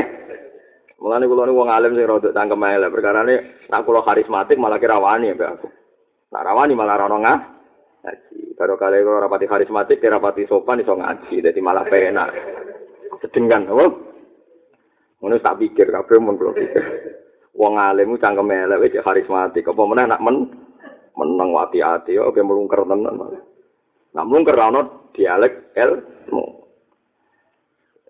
Jadi wong ati wae elek apa meneh? Elek eling-eling. Mangkanat mahasiluhu masawiya fakih fala takunu masawihi masawiya dadal wis. Ya dadi wong saleh ning desa ruwama ambek wong sopan wapian Wah, kowe nak mati ku nyalahno wong akeh. Sekarang kowe nak mati terus wong ora adikmu ora koyo kakake. bareng anak mbeling sithik ora kok zaman bapak waduh lara kabeh. Gara-gara APM sempurna wong kabeh dikomen. Jajal APM sedengan. Kan pas mati wong dirapati komentari anak sama adikmu. Lalu kalau susah apik sempurna ora nabi wae biasa wae berat sampean kanggo liyane. Sama tak ceritane. Cara ra sahabat itu Sayyidina Umar ku yo cangkem elek berhubung sahabat dianggap ngendikan. Dianggap napa Wah ini yo kuat tenan. Tapi ini kaso apik Abu Bakar itu nak sudah koning Nabi itu kabeh, orang separuh kabeh. Terus bareng dekne jadi khalifah, itu digaji gak gelem, esok-esok tetap regawi. Wah pokoknya bener terus, susah Abu Umar gak terima, diparani Abu Bakar. Ya Abu Bakar, nak jenengan terlalu bener buat terus-terus no. At-at taman bakdak jen. At-at taman bakdak. Jenengan nyelaka no wong tak usah jenengan akhirnya, kabeh wong tak usah jenengan dianggap salam, ke jenengan terlalu bener. Kulo iki eling kata-katane at taman bakdak. Ya, misalnya ana wong alim bar subuh wiridan nganti tulu samsi. Bariku sarapan sithik, bariku jam 7 duha. Bar duha mulang. Bar mulang kok terus ning yatim piatu sedekah. Bariku turu sithik salat qobliyah. Wah muridnya meriang. Waduh. Bar nirune angel. Tapi kan ada tiba kali baru juga lo kalah aku jelas. Muridnya nirune kan bawa guru gue kono. Jadi ngono kuwi tak pikir, tapi kowe oleh rasa setuju aku oleh. Tapi nak kowe wis ngalim, saiki sementara ya napa? Setuju ya napa? Sementara kalau fer napa? Ya Abu Bakar tahu dilaprak Sayyidina Umar. Wong kok sempurna ning ngono. Parane Pak Umar. At abta man bakta. Mulo sing katakan. At abta ngel ngel panjenengan man ing wong bakda kang sakwise. Kok dia ngerti, sebab gentine aku. Wah, diatur ngene prono iki. Ayo kabeh saiki wong alim sing terlalu sempurna murid ya repot. Ora repot. Ayo kok sing wani ngaku murid e Badim nak ra. Badim anggar bengi khatam Quran. Mesti agar murid ora koyo guru nih. Tapi murid-murid itu kadang-kadang nggak deres. Coba daerah murid itu, oh kayak guru. Jadi guru tidak terlalu sempurna, nyakek no murid sing sak. Tapi aku kudu sing sempurna, maksudnya gue contoh. Tapi kan muridnya terus dewel-dewel kan. Yang itu ya madhab. Mana tadi at taman. Imam Ghazali ku walim, alim alama. Zaman ijek sugeng wae Imam Haroman mulai tenggelam. Imam Haromen guru Imam Ghazali. Bareng dene murid gurune cek urip iku ngarang kitab Al Wasit Al alim alama. Imam Haromen iki menungso oleh muni ngene kok. Ya Ghazali, hal la dzalika ba'da mauti. Kue terkenal aku bermati ya kena. Jadi Imam Haromen ya menungso. Li Ghazali kue moncer kono aku urip. Ngenteni aku bermati ra kena. Jadi kue di guru ideal itu ya repot. Perkara ini kira bakal iso niru. Kue di murid ideal kok ngancam guru. Ayo angel, urip ora ayo angel. Ayo menungso ati e wae. Eh, mana tuh khusus teman-teman mesti wane aneh. Ini guru sungkan loh. Tapi aku ora ke ibu-ibu ya sungkan. Gue ora ibu-ibu ayo. Kok sungkan. Jadi Jadi tapi ini anak aman anak kulo ya tetap kudu ana wong soleh soleh sing kados Mbah Mun ramah ki wonten, kados Baden Jati wonten nggih. Kita punya banyak pilihan. Karek kue milih endi? Jelas gurumu wong alim-alim kabeh, kue milih endi anut sak alime, paham ya? Ojo anut sitok-sitok. Santene nemu tamu ada Mbah Mun. Engko gue ben awak. Ya ora oleh ngono. Eh, tapi piye-piye mau eling-eling gawe Sayyidina Umar nglabrak sinten Abu Bakar. Jadi dijual ora tau salah, ora tau salah di parah di Umar. Abu Bakar, apa itu apa itu teman-teman. Jadi at-at taman tak gue eling kata-kata. Cuma aja muni sangka melek, sahabat yang melek dosa gue Tapi kedua, wong-wong soleh kok dilabrak. Dari perkara ini jenengan repotno wong sing sausé jenengan. Perkara ini kan ora kaya Abu Bakar, ora kaya Abu Bakar, saking sempurnane. Eh jajal misalnya kue jadi panutan yang desa bar sholat subuh wiridan nganti tolak atis samsu panjang kesunatan wiridan nganti serengenge meletek. Bariku setengah itu omong hati-hati sarapan yang sidik. Bariku mulang yang madrasah. Bar mulang istirahat sedikit terus sholat kopiah duhur. Bar duhur mulang meneh. Wasar dolanan ning tonggo-tonggo silaturahmi. Bariku bar maghrib sholat awabin nganti nyisa. Barisak mulang meneh. Bariku sholat witir telulas rokaat. Bariku turu sediluk santrimu wis krungu peta hajat.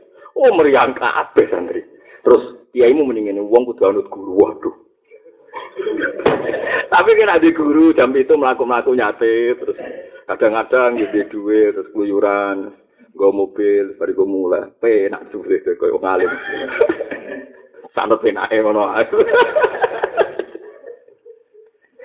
saya Umar angen-angen lalu kalau sering tak fatih Sayyidina Umar tak ilingi protes ini Abu Bakar cocok. at atta manfaat. Tak eling-eling kata-kata at atta manfaat. Wong kok apik ngono. Ora ngel-ngelo sing gendani jenengan. Sing sedengan dan jenengan bener apa sih?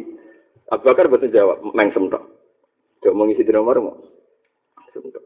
Ya mengsem waktu wong kok ngono mikir. Wong apik kok apa? Apik kok apa? Diprotes. Yo nama komuniku yo. Ilahi do pengiran ingsun. Waman tisapane wong ku kanat ana apa hakok ilmu hakikate wong mudhawi ya iku pira-pira ilmu dakwa, ilmu klaim. Wong sing ketika duwe ilmu hakikat we hakikate jek da'awiyah. Ilmu sing muk nyangka-nyangka tok. Fate famu kok hale kaya apa la takun ora ana apa da'awihi. Ilmu klaime wong ku da'awiyah iku muk ilmu klaim. Ilmu nyangka-nyangka tok. Wong ku zaman ngrasa duwe ilmu hakikat, we hakikate muk nyangka-nyangka tok. Apa meneh pas nyangka, tambah muk nyong nyangka. Artinya zaman dekne optimis mek pendapate we kadang melingkar salah. Apa meneh pas salah, tambah salah. Jadi ini jagungan isi kambe pangeran, ini pangeran tidak jagungan, ini macam orang barak pangeran, yo oleh wae, apa? Ilahi do pangeran ing sun hukmu kalate keputusan panjenengan an itu kang tembus. Wa masyiatu kalan kersane panjenengan alkohiro tu kan iso meksa. Iku lam yatruka ora iso ninggal apa hukmu kalan masyiatu ka. Lizi makolin mare wong sing dene omongan makolan ing omongan apa wae. Wala lizi halen nan ora wong sing dene perilaku halan ing perilaku apa wae. Kula omongan apa mawon dicita-cita napa mawon tetep kalah mbek kersane jenengan. Gara-gara kersane jenengan sing mesti menang Jadi yo ora ninggal popok blas kula ape omong yo salah ape dipilihan yo salah ujung-ujunge kalah ape kersane. Jangan geneman kok ngono. Tapi sing ngomong wali yo tetep keramat ae. Nah sampean ngomong ngono kan berprestasi. Ilahi dopena ingsun, kam minto aten pirang-pirang toat bana itu kang bangun ingsun ha ing toat. Wahalaten nan perilaku sayyat tuha, kang watno ingsun ha ing halah, halah perilaku, sayyat mana ning watno. Wahalaten nan perilaku sayyat tuha kang watno ingsun ha ing halah. Kulo niku gadah taat, gadah perilaku sing kula bangun ngantos kuat. Tapi hadama iso menghancurkan iktimadi ing iktimat ingsun, tetanggenan ingsun. Alih ing atase taat apa adluka apa sifat adile jenengan. Bal akolani balik balekno ni ing ingsun minha sanging ikilah kabeh halah apa fadluka fadole jenengan. Jadi dawuh hikam iki apik banget. Gusti kula gadah taat, kula gadah kebenaran sing kula pupuk kula kuatno. Tetep kalah ambek adile jenengan nek jenengan ngersakno nggih tum tumbang.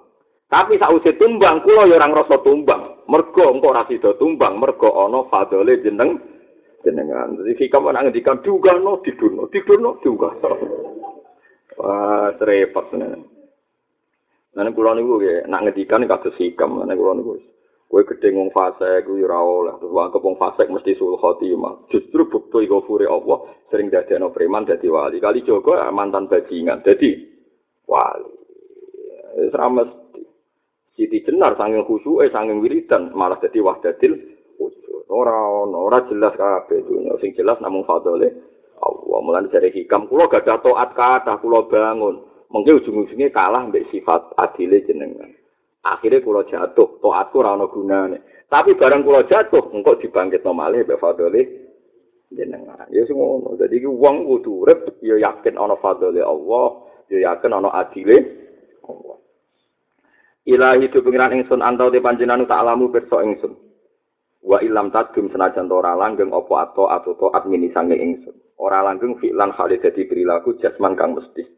Tapi fakot gamat mongko teman-teman langgeng apa toat mahabbatan apane senenge wa asman nan niate. Lagi sing kudu mbok nut.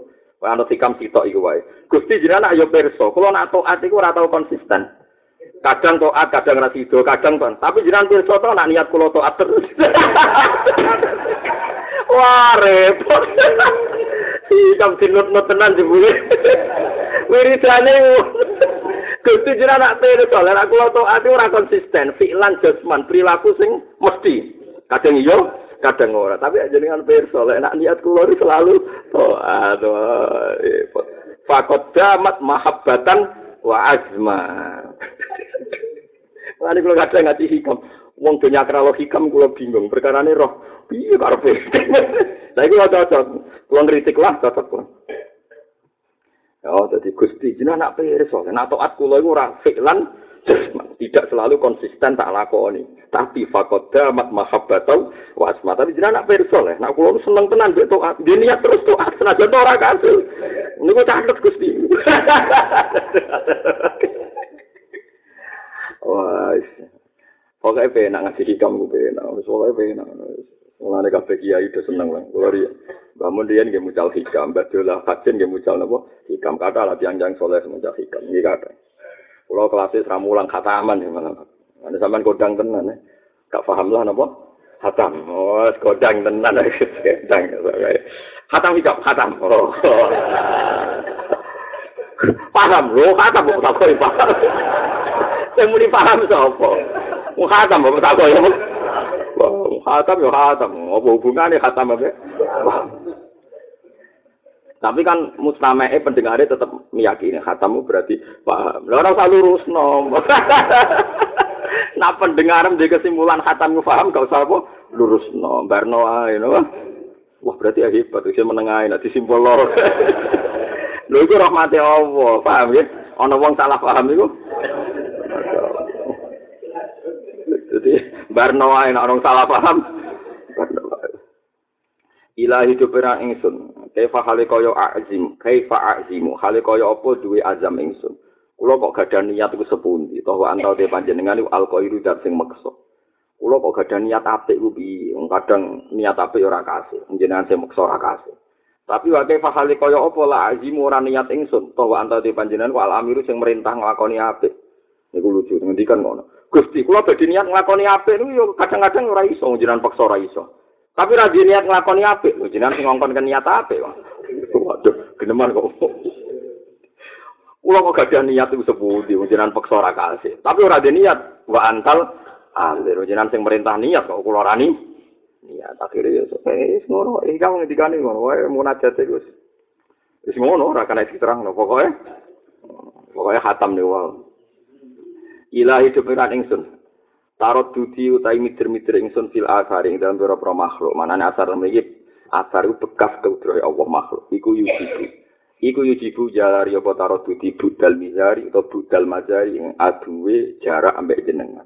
Kula nu amen goleki makhluk mawon Gusti dadi ana kula adu ambek jenengan.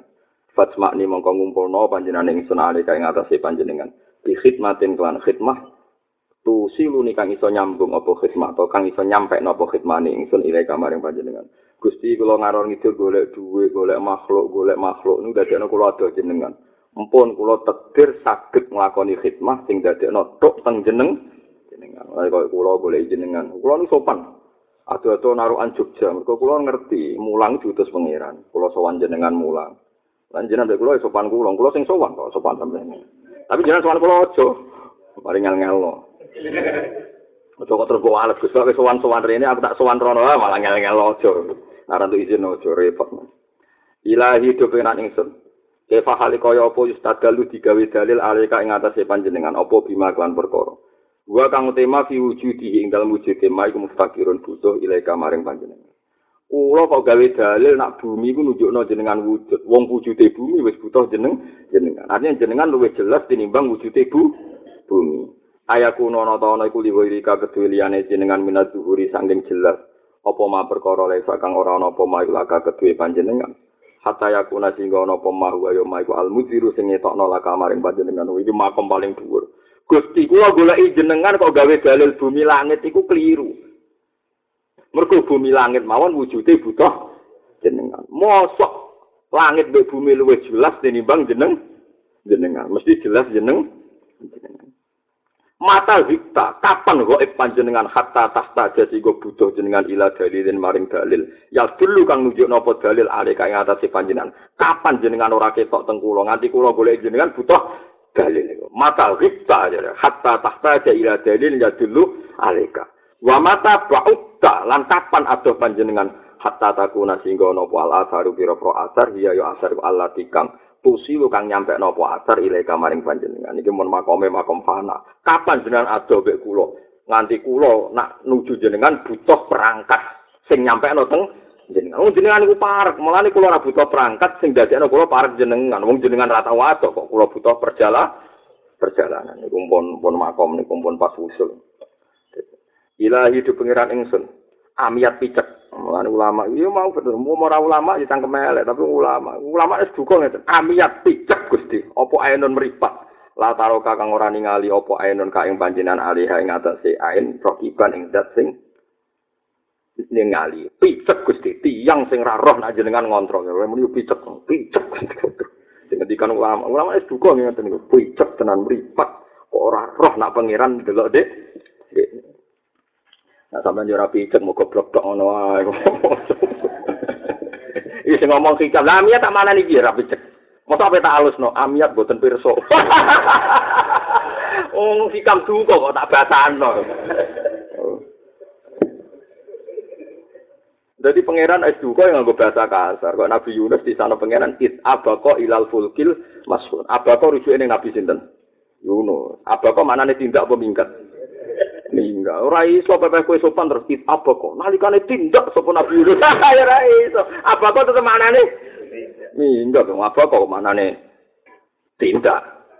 Wong kudu ngaji mulane ben ro. Dadi pangeran nak duka iku ya abako ya kudu minggat. Mulane Imam Ghazali nak donga Gusti kula dadekno kados kawula sing minggat. Manane minggat iku wong sing terputus. Nak ngrasa minggat terus ngrasa butuh mbek penge pangeran. Kaya minggat ya Nabi sinten yu Yunus it apa ilal fulkil mashun fasaha mafakana minal mutahaddin fal taqamahul hutu wa huwa muli. Wa khasirat lan tuna apa sofkatun sofkatu abdin? Apa bisnise kawula? Sofkah bisnis dagangan. Ya mulane tengene fikih-fikih ana sofkah sofkotu abdin. Apa dagangan kawula? Lam yas'al kang orang gawe sapa abdin lahu maring ikilah lam yas'al lahu min hubbika nasiran.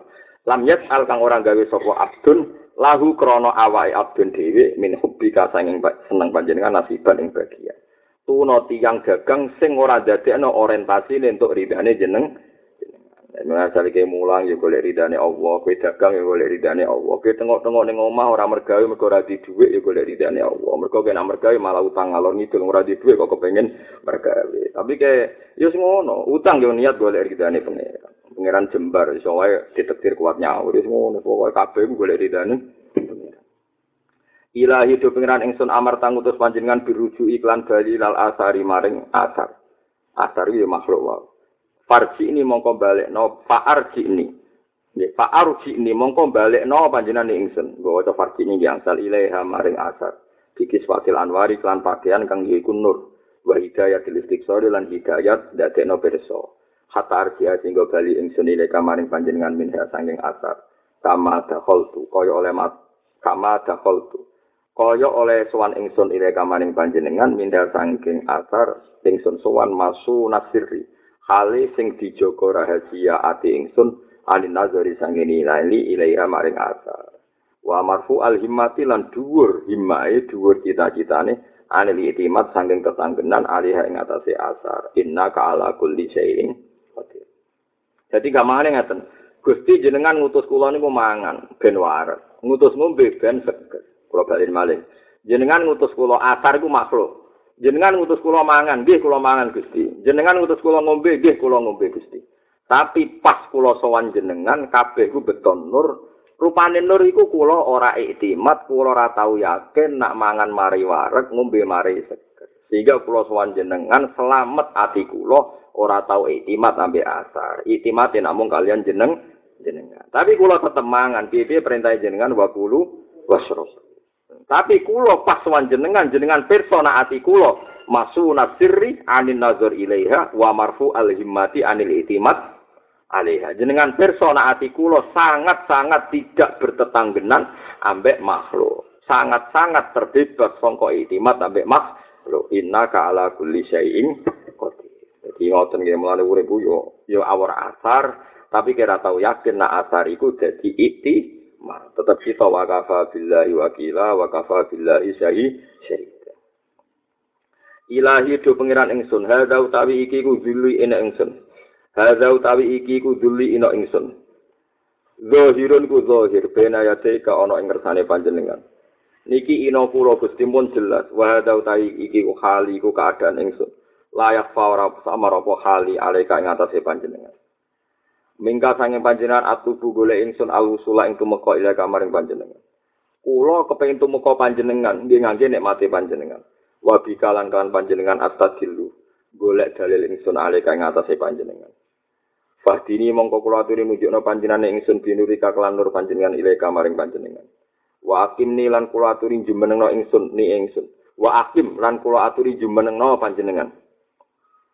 Fasi mongko nunjukno panjenengan ingsun binuri kaklan nur panjenengan ile kamaring panjenengan. Wa aqim lan kula aturi napa jumenengno panjenengan ingsun bisit kul ubudiyati lan bener ing rasa kemawula bene ade ana ing ngersane jenengan.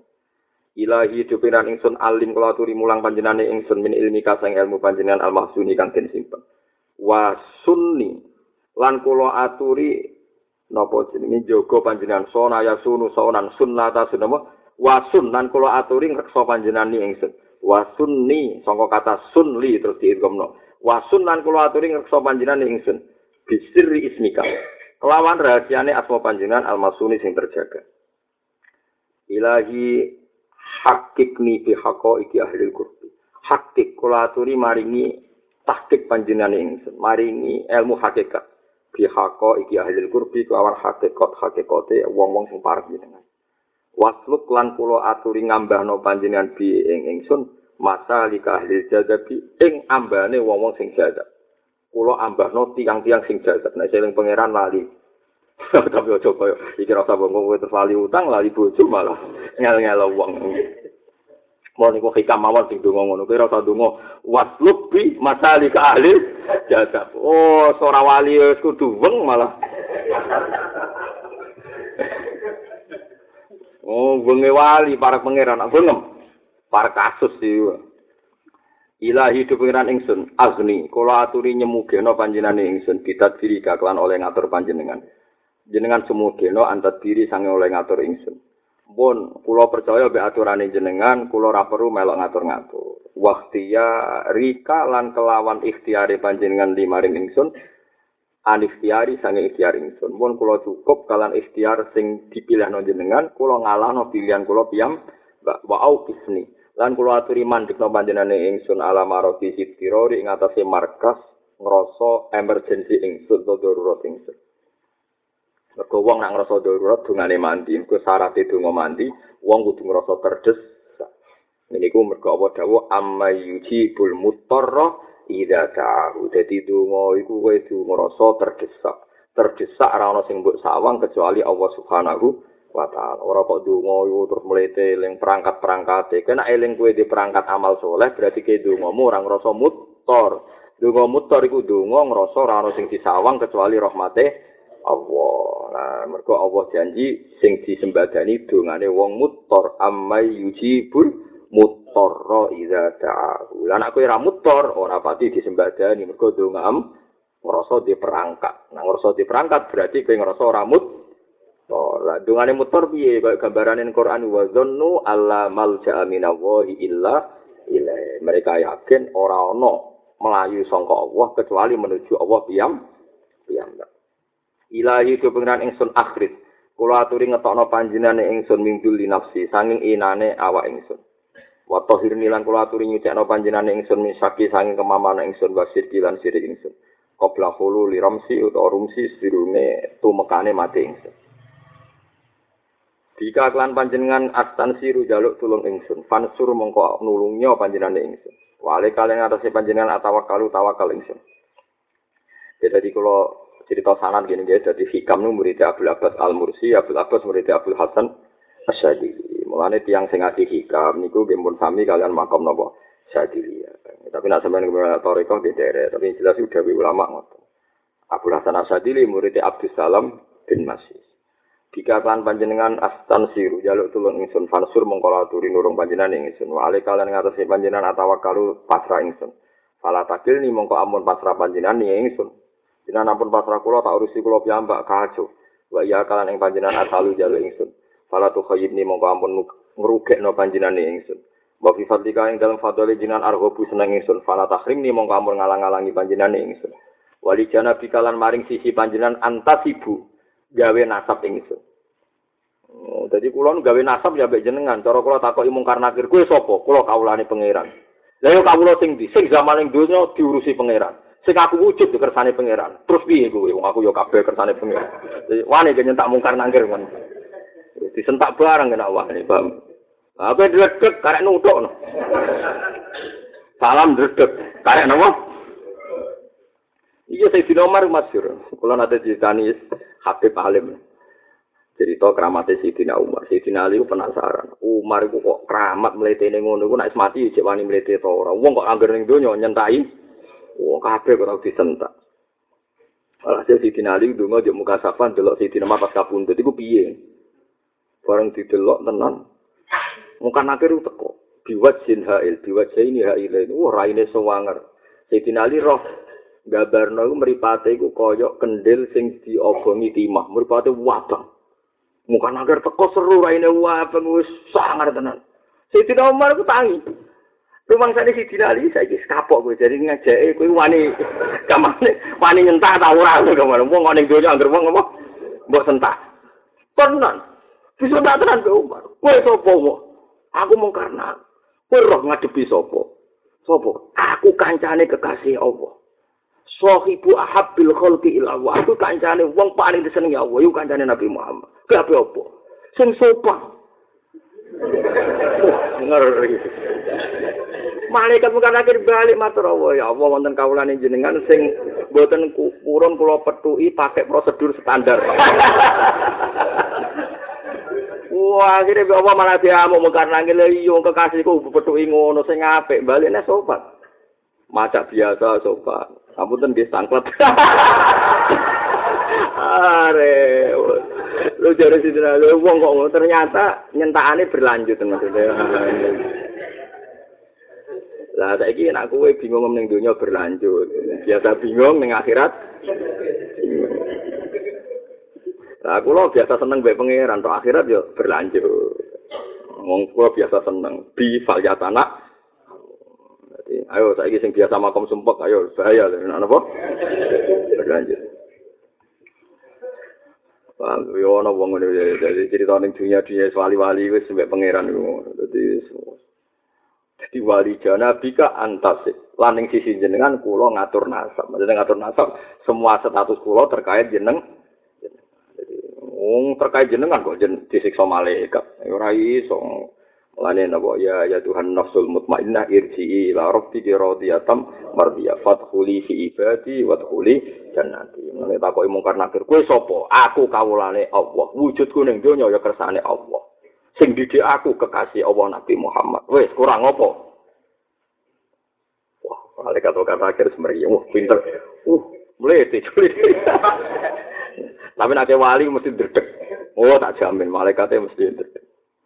Masyur nih gue dunia keramat. Imam Malik dia murid di konco ulama kapundut. Iku wa min karomati Imam Malik. Mengenai Sayyid Muhammad Ali ngono madzhab Imam napa? Malik wis senenge pola cerita karamati Imam Malik. Bareng kancane sing alim mati takoki malaikat marbuka wa man nabuka. Imam Malik teko. Malaikat kuwi roh iki sapa? Ora mboten ngerti. Iki ulama kancaku. Ulama kok takoki. Mire malaikat iki rasa takok rasa. Ulama gak ngregani. Ulama kok takok. Ya pancen iki kemungkinan ngoten niku piye-piye ana wong-wong kekasih pangeran sing wis uripe ku be pangeran. Ala inna auliya Allah la khaufun alaihim wa la hum yahzanun. Lahumul busra fil hayatid dunya wa fil akhirah. Malaikat nak ngadepi para wali kon muni nahnu auliya hukum fil hayatid dunya wa fil akhirah. Jadi malaikat mungkar nangkir ya malaikat. Malaikat nak ngadepi waline pangeran kudu kon muni innal ladzina qalu rabbuna wa tsummas taqamu tatanazzalu alaihimul malaikatu alla takhafu wala tahzan. Nak kowe wali tenan hubungane malaikat mbek kowe malah malaikat mungkar nakir teko malah teko-teko muni Allah takhafu wala tahzan. Wis ora usah wedi ora usah susah. Aku iki balamu. Ya malaikat kira wali semangat. Roh kowe semangat dong kowe ra wali. Roh raimu tok uh ning donya bedigasan. Kecekel. Kecekel kowe saiki. Tapi nak kowe wali, malaikate kena tugas kon muni Allah takhafu wala tahzan. Kemilan di. Milih malaikat sing tegas apa sing Mulane ojo kok kabeh dipadakno. Ya mulane jane nalkin wali ku ya ora pas. Sakjane, tapi masalahnya kan padha ora roh ya wis talkin ae proses prosedur. Oh, cara wali talkin tenan wali wah, mlete tenan mudin iki. Iso bayangno nalkin sabdo kodir jalan ini. Hmm, kono kanca kae malaikat wae. Kono jagongan disambut malah mbok warai marebuka. Wah, paling terus sampe kotir mungkin kufu apa arah mungkin. Jadi tapi yo maklum, kabeh wali ku sayang mbek umat Kanjeng Nabi, tapi paling yo sayang wis piye tugasnya sing gak apa-apa gak apa-apa gak apa-apa. kabeh wali kok Syabdul Qadir mesti sayang kabeh umat Nabi mesti disayang para napa wali. Iki titipane kanjeng Nabi Muhammad sallallahu alaihi wasallam. Mulane Syabdul Qadir kecewa ambek wong terus maksudno iku kadang-kadang pasuti dibatal ngilingi ku piye umat kanjeng. Mulane masyhur dene mangkel khalifah apa niku napa jenenge tufahah napa apel. Apel diperes dadi getih ngamuk deh mereka khalifah biasa untuk sumpah. Tapi akhirnya buka Abdul Qadir sadar lau lakur matut disolihi di Rasul. Aku gak ngilingi kena hubungannya dengan Nabi. Mesti darah ini kecer-kecer nganti ke doma. Ujung-ujungnya dibatalkan mereka ngergani kanjeng mana uang nak wali tenan nak kecewa sampai umat Nabi ya dimpa meskipun ya kadang miso tapi bar ya dia sifat umat Nabi wal afina anin nas. Napa wal kazimin al khaifah wal afina. Kulo kadang ya ngempet. Kulo masa ora tau mangkel mbek koyo bolak-balik. Tapi kan kena etika kudu ngempet. Itu tak empet. Terus wal afina ana tak sepuro. Tapi kulo beku makom wis dhuwur gak tau kecewa, tak anggap ngene-ngene ya kersane Kue nasapem ditakoki kue digawe ngene iki rumang samu kersane sapa? Ora kersane kira rawani kulo. Kira kaya mungkar nangkir kulo rawani mbek jenengan rawani. Wong kondang transit dina Umar. Ayo sapa sing wani niru ayo. Direncana no. Jadi nabi mati konsultasi be psikolog. Gimana menghilangkan grogi? Oh, konsultasi sih. Oh, tapi semeriang, no? Tapi tak jamin gitu. Terus itu tidak seluruhnya. Jadi yang ngadepi mungkar nakir begitu tidak seluruhnya. Kena para pangeran tenan tetap innalladzina qalu rabbuna wa tsumma mesti tatanazzalu alaihimul malaikatu alla takhafu wala tahzanu wa abshiru bil jannati allati kuntum tu'adu. Wong nak parek pangeran tenan pas sampai mati, masuk Israel rawuh yo. Assalamualaikum wis wae mati nang cono cepet mlebu swarga. Kok mung karena ya padha nyambut. Wis terus teko wis kaya saiki turu nganti ngenteni kiamat mlebu swarga. Kowe ben ro swarga mungke ditudono. Ditudono wis yo. Kula ben mlebu gak iso urung wayahe terus turu. Tapi tak kowe ra jelas. malaikat wis gemes wis suwi ketemu pertama wis wah santai wah cek suara cukuman ngono nah iso wali jana bikala maring sisi panjiran antas ibu gawe nasab ing itu falatuk ini mau ngamun ngedono panjiran ing ingsun. Wa bibabi kalan kelawan ing pintune panjiran akifu mandek ingsun. Falatat terus mongko ampun nolak panjenengan ingsun. Kula pun mandek teng pintune jenengan Gusti ampun tolak ilahi do pangeran ingsun. Napa niku? Takut dasani takut dasa bersih apa rido apa rido panjenengan. Antakun ento ana iku laku kediridane panjenengan apa illat apa illat minggat panjenengan Fakih famo ko hale kaya apa takuno ana apa illat lahu maring ikilah ridane panjenengan ku illatan dadi illat mini sange ridane jenengan pun kersane jenengan.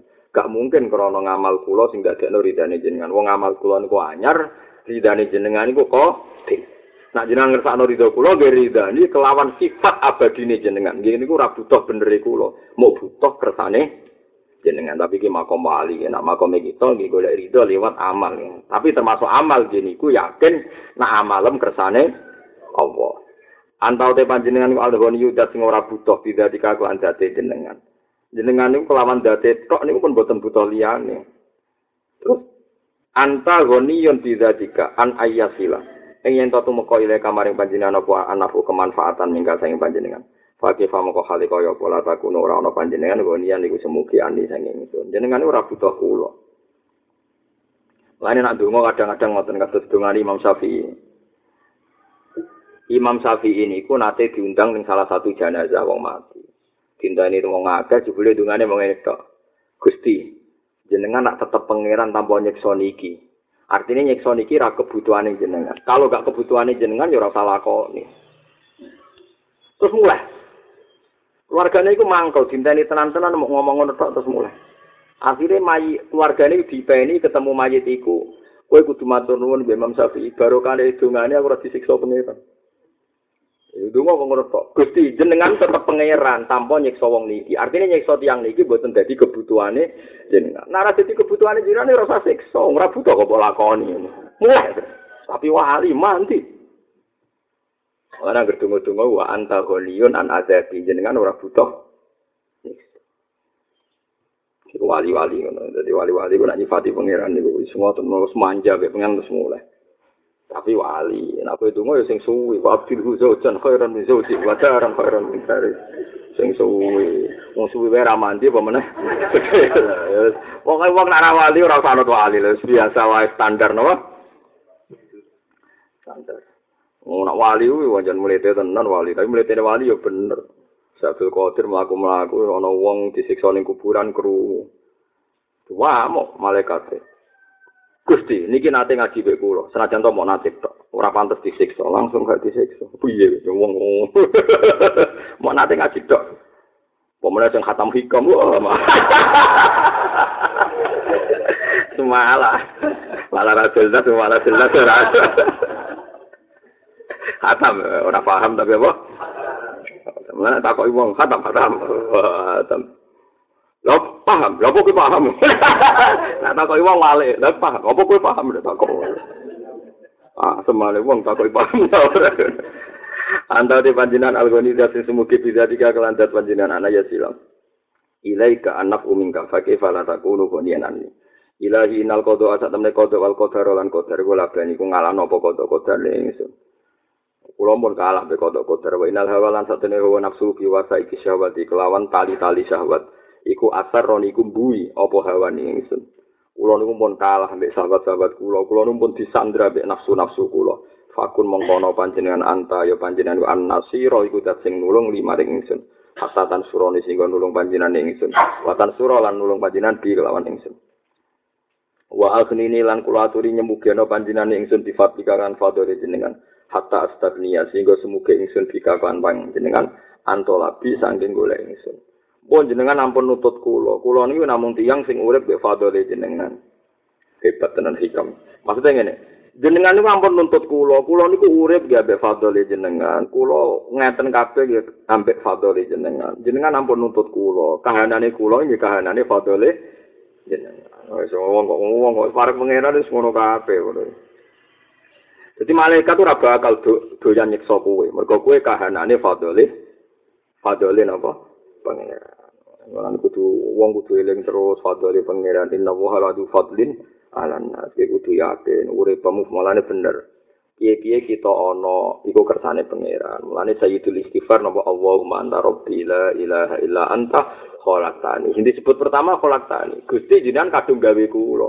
Gara-gara jenengan kadung gawe kula akhirnya kadang-kadang kula niku ya rapati nurut. Kadang-kadang ya maksiat. Mung gara-gara ono ya maksiat ba tapi kula nggih jenengan paringi nikmat. Abu laka bi nikmatika alayya. Tapi kula nggih fair wa abu bi dzambi faghfirli fa innahu la yaghfiru dzunuba. Anta Antau de panjenengan ku Allah ziku zat asyrokot kang dadi bersinar apa alan waru pira-pira nur fi kulubi auliya dan pira-pira atine wali panjenengan. Hatta arafu sing ngerti sapa aulia uka ka ing panjenengan. Wawah haju kalan nauhidna sapa aulia uka ka ing panjenengan. Wa antau te panjenengan ku Allah zat azal ta kang ngilangi panjenengan al akhyar ing sifat-sifat kelianan mingkulu bi ahbabi ka sing pira-pira atine kekasih-kekasih jenengan. Hatta la yuhibbu sing ora seneng sapa kekasih jenengan siwa ka ing saliyane panjenengan. Walam yaljau lan ora moro ora napa jeneng iltija ge ngono namane napa? Ngungsi sapa para wali ila wirika maring liyane panjenengan. Antau te panjenengan al muannisu dat sing maringi aring, maringi nyaman. Ki kuna manane aring ya, maringi nyaman lahu maring aulia ika. Haitu au hasad humul awalim. Nalikane naringi apa maringi asing hum ing aulia ika apa ala wali pira-pira alam. Terus lahum maring aulia ika. Au hasad hul awalim. Wa antau te panjenengan ku Allah zat hati kang nunjukno panjenengan ku ing para aulia akah. Hatta stabanat sehingga dadi pertelo hum kedhi aulia iko apa alma alimu pira-pira alamat ning jenengan. Mada wajada man fakodaka. Mada ing apa wajada metuki sapa wong fakodaka kang kelangan sapa ka ing sira. Enggak ada orang yang dicapai di dunia. Wong sing kelangan pangeran padha karo dunia ndak mendapat apa-apa sama sekali. Wa mal ladzi wa ma perkara alladzi wa mal ladzi faqada kaman wajadaka. Wa mal ladzi wa ma lan ora ana te wong kang kesepen. Wa mal ladzi faqada lan ora bakal kesepen sapa wong wajada kang tuk sapa man kaing Jadi wong sugih kaya apa nek mata kaya apa ning donya iku dianggap ra menemukan apa pun saat dia tidak menemukan Allah. Orang yang sudah menemukan Allah tidak akan kehilangan apa pun. Dianggap wis kasil kah? Kabeh. Lakot coba teman-teman tuno sapa man wong rodia kang rido sapa man duna kang saliyane jenengan badal yang dadi pengganti. Wong kok rido galiyane Allah iku wong sing tuno. Wa kesiron teman-teman tuno sapa man wong. Bago kang golek iso momen angka sangi sira mutahawalan enggon pindah. Wong kok kepengin beranjak sangka Allah, wong geblek. Ilahi do pengiran ingsun ke fahale kaya apa yurjatin arab-arab apa siwa kaliyane jenengan. Wa anta hale te panjenengan ngumakotok ta ora mutus panjenengan ihsana ing api. Wong kok golek liyane jenengan kula apa? Karena jenengan enggak berhenti-henti melakukan ihsan. Wa kefa hale kaya apa yutlabu den supre. Sapa min wirika saking saliyane jenengan. Toh wa anta halute panjenengan. Iku mabad dalsa ora tau ganti panjenengan adatal intinane e adat maringi, adat maringi. Kok kula golek liyane jenengan niku piye wong jenengan piyambak sing hanya selalu duwe adat apik, ora tau ganti adat apik ambek adat eh. Ngene wow. Kowe ngukang aku melarat nyatane yo mangan. Kowe ngukang aku susah nyatane nang guyu yo banter. kowe munamuni susah ra iso turu utang akeh nyatane bariku turu patang jam munamuni ra iso turu sebelum nak turu ya ngoh ora aneh-aneh kowe munamuni bojo tukaran terus anakmu ya akeh Jadi wong wis kalah ambek buk bukti. Munamuni wedi neraka nangis bariku mangan nganti glegeken. Ayo yo kok ngono wae napa?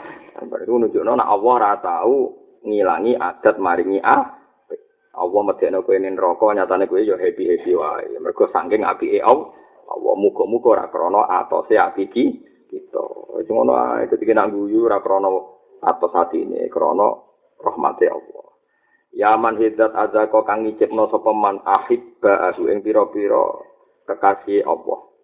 halawatamu anasati ing manise mu anasa manise bernyaman-nyaman ambek Allah zat sing maringi para kekasih iku mesti nyaman hubungan be Allah.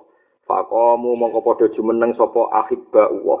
Bene ade ana ing ngersane Allah muntamal liki hale asik kabeh. Tamal asik. Yaman hidat, wa yaman hidat albasa kang ngenggokno sapa zat aulia aku ing pira kekasih Allah. Malah bisa hebati ing pakaian-pakaian heibah. Jadi wong nak wali tenan sih dewi bawa, sering guyon lah asal wali tenan tetep dewi bawa. Mergo diparingi au Allah. Faqamu mongko padha jumeneng sapa para aulia bi izzati iklan keagungane Allah oleh jumeneng mustaizina hale wong sing terhormat kabeh. Antau te panjenengan azaki tutat sing eling mingkop dizakirin sedurunge ilinge wong sing eling. Wa antal badi wa antai te panjenengan al badi sing ngawiti bilisane kelan ngakoni apik. mingkop ditawat juhil abidina sedurunge madepe wong sing ahli ibadah. Sampeyan saiki tak bedhei, kowe duwe dhuwit sak juta terus sedekah nang mbek kiai sak juta. Kowe ngamalem apik sedekah ning kiai, mbek kersane Allah dadekne kowe wong apik dhisik ndi? Dhisik kersane Allah dadekne kowe wong apik. Mulane jenengan iku apik sedurunge wong liya nglakoni apik. Dadi kowe yo kowe ojo geman muni amalem sik lagi entuk ridane Allah. Lho Allah kok keselip kowe? Eh, Allah kok keselip? kowe dari keliru Gusti kula untuk ridani jenengan muga bar sedekah lho kersane kowe apik dhisik kersane Allah ta dhisik ngamalem kersane Allah ana jo GR nah apik ya apik ae rasa Allah wa antau te panjenengan al jawati kudat sing maringi antau te panjenengan al jawati kudat sing akeh lomane bil atau iklan peparing min qabli tolabi tolibin sedurunge jali wong sing jalu Zaman kue cilik tau gak ndonga yo seneng. Tau ora iso ndonga. Tapi wis seneng dolanan ngalor ngidul main keran karnaval wis seneng. Anak kula nak karnaval seneng ira karuan. Padahal wong jaluk seneng. Lah kowe saiki jaluk seneng ora iso. Mergo tau hitam jeblok. Tau hitam jeblok amale. Pah poh tok. Allah wis apian sedurunge mbok jaluk, paham ya? Jadi jaluk mau prosedur pantas-pantas kawula niku ya lha coba dadekno aku jaluk ketika pangeran. Lho sedurunge kowe jaluk iku Allah ngersakno. Paham ya? Jadi kowe sedekah sak juta iku kowe sedekah sak juta ambek Allah ngersakno kowe dadi tukang sedekah di sini. Dhisik kersane Allah ngeder kowe dadi tukang sedekah. Tetep Allah luwih dhisik sedurunge apike wong sing apik. Allah mari wis sedurunge kowe jaluk. Ya enggak dong, misalnya Allah ngerencanakno kula. Suatu saat bahak iku duwe dhuwit dikai wong Jakarta. Wes terus suatu saat aku ditegir donga ya Allah kalau nyuwun dhuwit. Terus Allah nggerakno atine wong Jakarta ngekek dhuwit kula. Saiki wong Jakarta iku duwe dhuwit ya kersane Allah. Sing gerakno atine ya Allah iku wis didesain Allah. Termasuk Allah desain kula ditegir itu donga. Wa antau te panjenengan ku al-wahhab sing akeh paringe. Suma anta mongko nuli te panjenengan lima maring perkara wahab takang paring panjenengan ing kita. iku minal mustaqridina sangking zat sing nganggep utang. Iku apike pangeran. Kowe diparingi duwe Allah sak miliar diparingi duwe Allah sak juta. Bareng diparingi duwe Allah sak juta ya yakin tenan iku duwe oleh Allah. Bareng mbok sumbangno masjid to mbok sedekahno ning fakir miskin Allah nganggep utang. Masuk wa kawulaku cah gelem sedekah mbek ulama sak juta, gelem sedekah mbek fakir miskin mbek masjid sak juta. Gusti apike, tak anggap utangku. Sampai Allah digenteni. wong duit sak juta kok Allah? Bareng mbok amal lo Allah ngrasa utang terus digen. Nak genteni luweh ah. Akeh mang dalladzi yukridu wa qardon hasanan faidu ifahu lahu atafan. Akhirnya mulai dari hikam. Cek api eh jenengan? Jenengan sing maringi duit barang kula sedekah no jenengan nganggep duwe terus jenengan sahur luweh akeh. Cek api eh jenengan? Maringi kula jenengan untuk hidayat terus sholat. Bareng wis salat mergo hidayate Allah. Sawise salat kita engko nek diganjar mlebu swarga. Dadi wong kok zat kok apike ngono. Dadi iki manja-manja be pangeran nyifati pangeran zat kok apike ngono. Lah kuwe saking suwene melarat nganti karo apike pangeran. Innalillahi wa inna ilaihi rajiun. Wis musibah kere-kere akidah. Marah ini. Oh, saiki sudah ngomong eling keremu. Oh, sing kere-kere engko bengi nak tahajud Gusti sik saeni jenengan. Wong liya guyu wajar mergo duwe dhuwit. Kula guyu mergo rahmate jenengan. Wong kaya engko bengi papoh ngono ya, paham ya. Sing rame kene papoh sing rae. Nganti setan ra iso ngridu kuwe si eling sisi-sisi maratem, paham ya. Nanti tak kul bi fadlillah wa bi rahmatih fa bi dzalika yafrahu. Ilahi do pengeran ingsun utlub kula aturi golek panjenengan ingsun dirahmati kang rahmat panjenengan. Hatta asilati kau temu kau ingsun ilek kamaring panjenengan. Wajib nilan kula aturi narik panjenengan ingsun biminati kelawan rahmat panjenengan peparing jenengan. Hatta ubila sigo madhep ingsun arek kang atas panjenengan. Abbala yubilu ikbalan. Ilahi do pengeran ingsun inna rujai sak temen arep-arep ingsun layang kotiu. Iku ora bakal putus apa rojai angka saing panjenengan. Wa in aso itu ka senajan durakane ingsun kaing panjenengan. Kulo pas maksiat lah tetep arep-arep rahmate jenengan. Kama ana kofi koyo sak temene wedi ingsun. La yuzayiluni ora bakal ilang, ora ilang apa khofi ini ingsun. Wa in apa tu senajan to taat ingsun ka ing panjenengan. Iki makome wali. Kulo senajan to pas maksiat tetep arep-arep rahmate jenengan. Kulo senajan to pas taat nggih tetep wedi tetep wedi napa jenengan. Ilahi dopera ingsun kot dafaat nih teman-teman dorong nih ingsun opo al awali ngupiro pro alam ilahi kamaring panjenengan. Opo sing kula alami teng dunia semuanya mendorong supaya saya terjatuh dan terlempar menuju jeneng jenengan. Wakot au kofani lan teman-teman ngandek noni ingsun opo ilmi ilmu ingsun di karomika kelan lomane panjenengan. Alai di karomika alaika. Wakot au kofani lan teman-teman ngandek no apa ilmi, apa ilmu ingsun, yo bikaromika kelawan sifat mulyane panjenengan alika ngatasi panjenengan piyambak. Ke mana? Pada akhirnya aku berkesimpulan, sifat mulya lomo ngamung panjenengan. Ilahi do pengeran ingsun kaifa kaya apa akhi butura ingsun. Tawa anta halite panjenengan amaliku harapan ingsun. Kula ning donya ora bakal tuna, mergo jenengan dadi puncak angen-angen kula. Nek nang akhirat ora usah wedi, anggere jenengan dadi Allah as-somad, Allahus somat. Allah itu muara dari semua keinginan kita. Kengkok ning dunia akhirat selamat. Kulo ora bakal cilaka Gusti wa anta amali. Kaifa akhibu wa anta amali. Am kaifa ana ta kale kaya uhanu den hina ingsun. Wa alaika lan ing atase panjenengan mutakali ute pasrah ingsun. Kulo ndak bakal terhinakan wong kulo pasrah ya jenengan.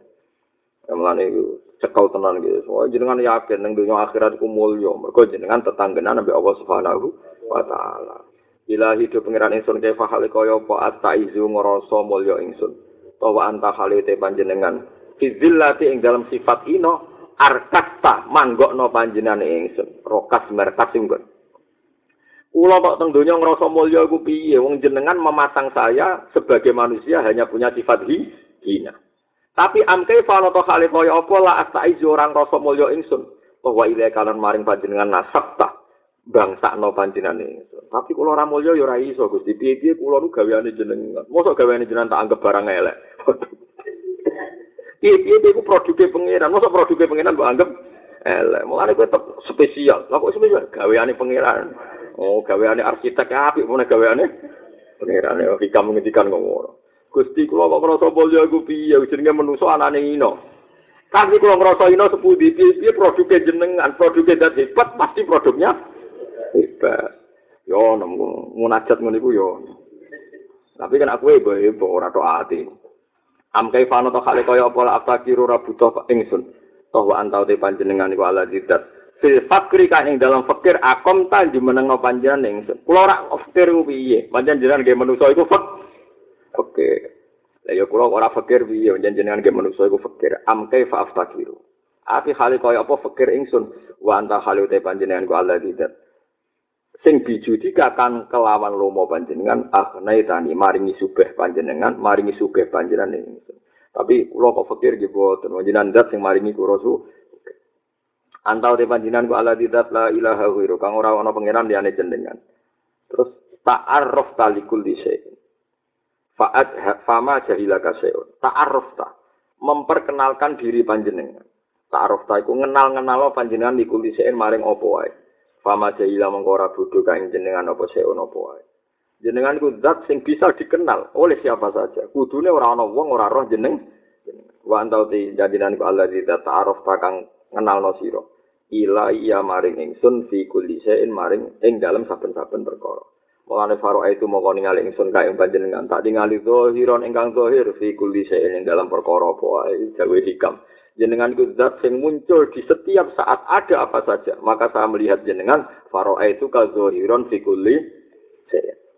Fanta mongko te panjenengan ku zahiru zat sing zahir fi kulli shay'in maring saben-saben perkara. Ya man istawa kang istiwa sapa man.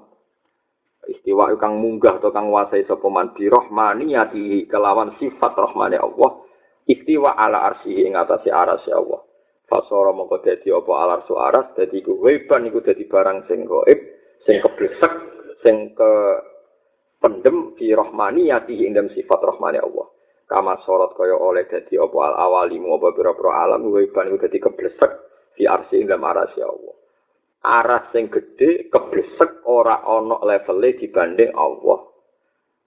Alam sakmono gedhene keblesek ora ana bandingane dibanding aras. Aras gagahe ngono trimo keblesek tercengkeram dalam rahmaniyae Allah. Sekali gak dirisi Allah han. Muhiqatil asar bil asar. Wa mahautal akhyar bi muhitati aflakil anwar. muhikot dan hapus. Opo al asaru? Piro pro asar bil asar iklan asar. Dunia iku angger asar makhluk engko yo ilange makhluk. Ge makhluk ge ilange makhluk. Terus wa mahauta lan menghapus panjenengan. Al ahyaro ing sifat sifat liyane Allah. Di muhitoti aflakil anwar kelawan terlipute piro-piro cahaya. Pira-pira cakrawalane cahaya. Di mana nih ngeten ya, terus alam itu saling menghancurkan. Misalnya trennya wong fase, itu ya rubah-rubah, tapi saling menghancurkan. Jadi misalnya ilangnya wong seneng dandut, mungkin ono pop lagu pop kok ilang be rock, kok ya ilang meneh. Dhisik ono maksiat bentuke sinden, sinden ilang dilangno ambek uh, dangdutan. Ya ngono. alam ini saling menghancurkan, saling menghilangkan. Toat yang ngono. Trene toate wong dhisik biasa iki yo beda padha-padha to.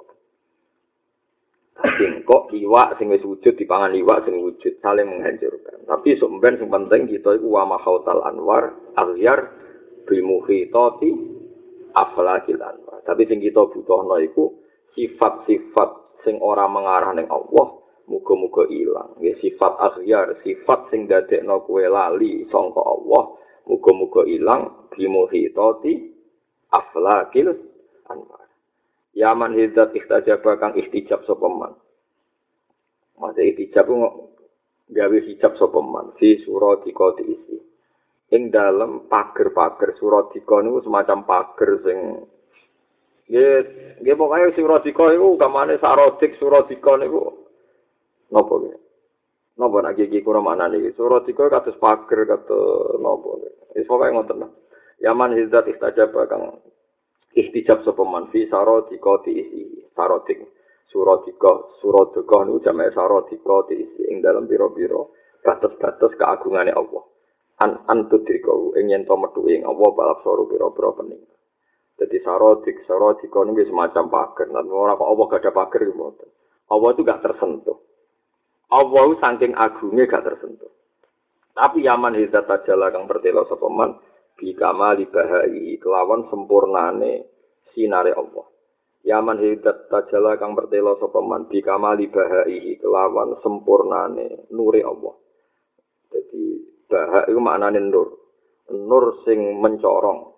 Fatahak kok mongko dadi nyoto opo azumatu. Opo sifat agungnya Allah. Al asroro ing pira-pira atine para wali. Manan asror ini kulubal asror, kulubal aulia.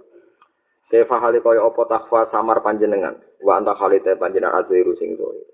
Jenengan kok samar piye? Jenengan di sifat zohir. Amke fano to hali kaya apa tazibu kok panjenengan.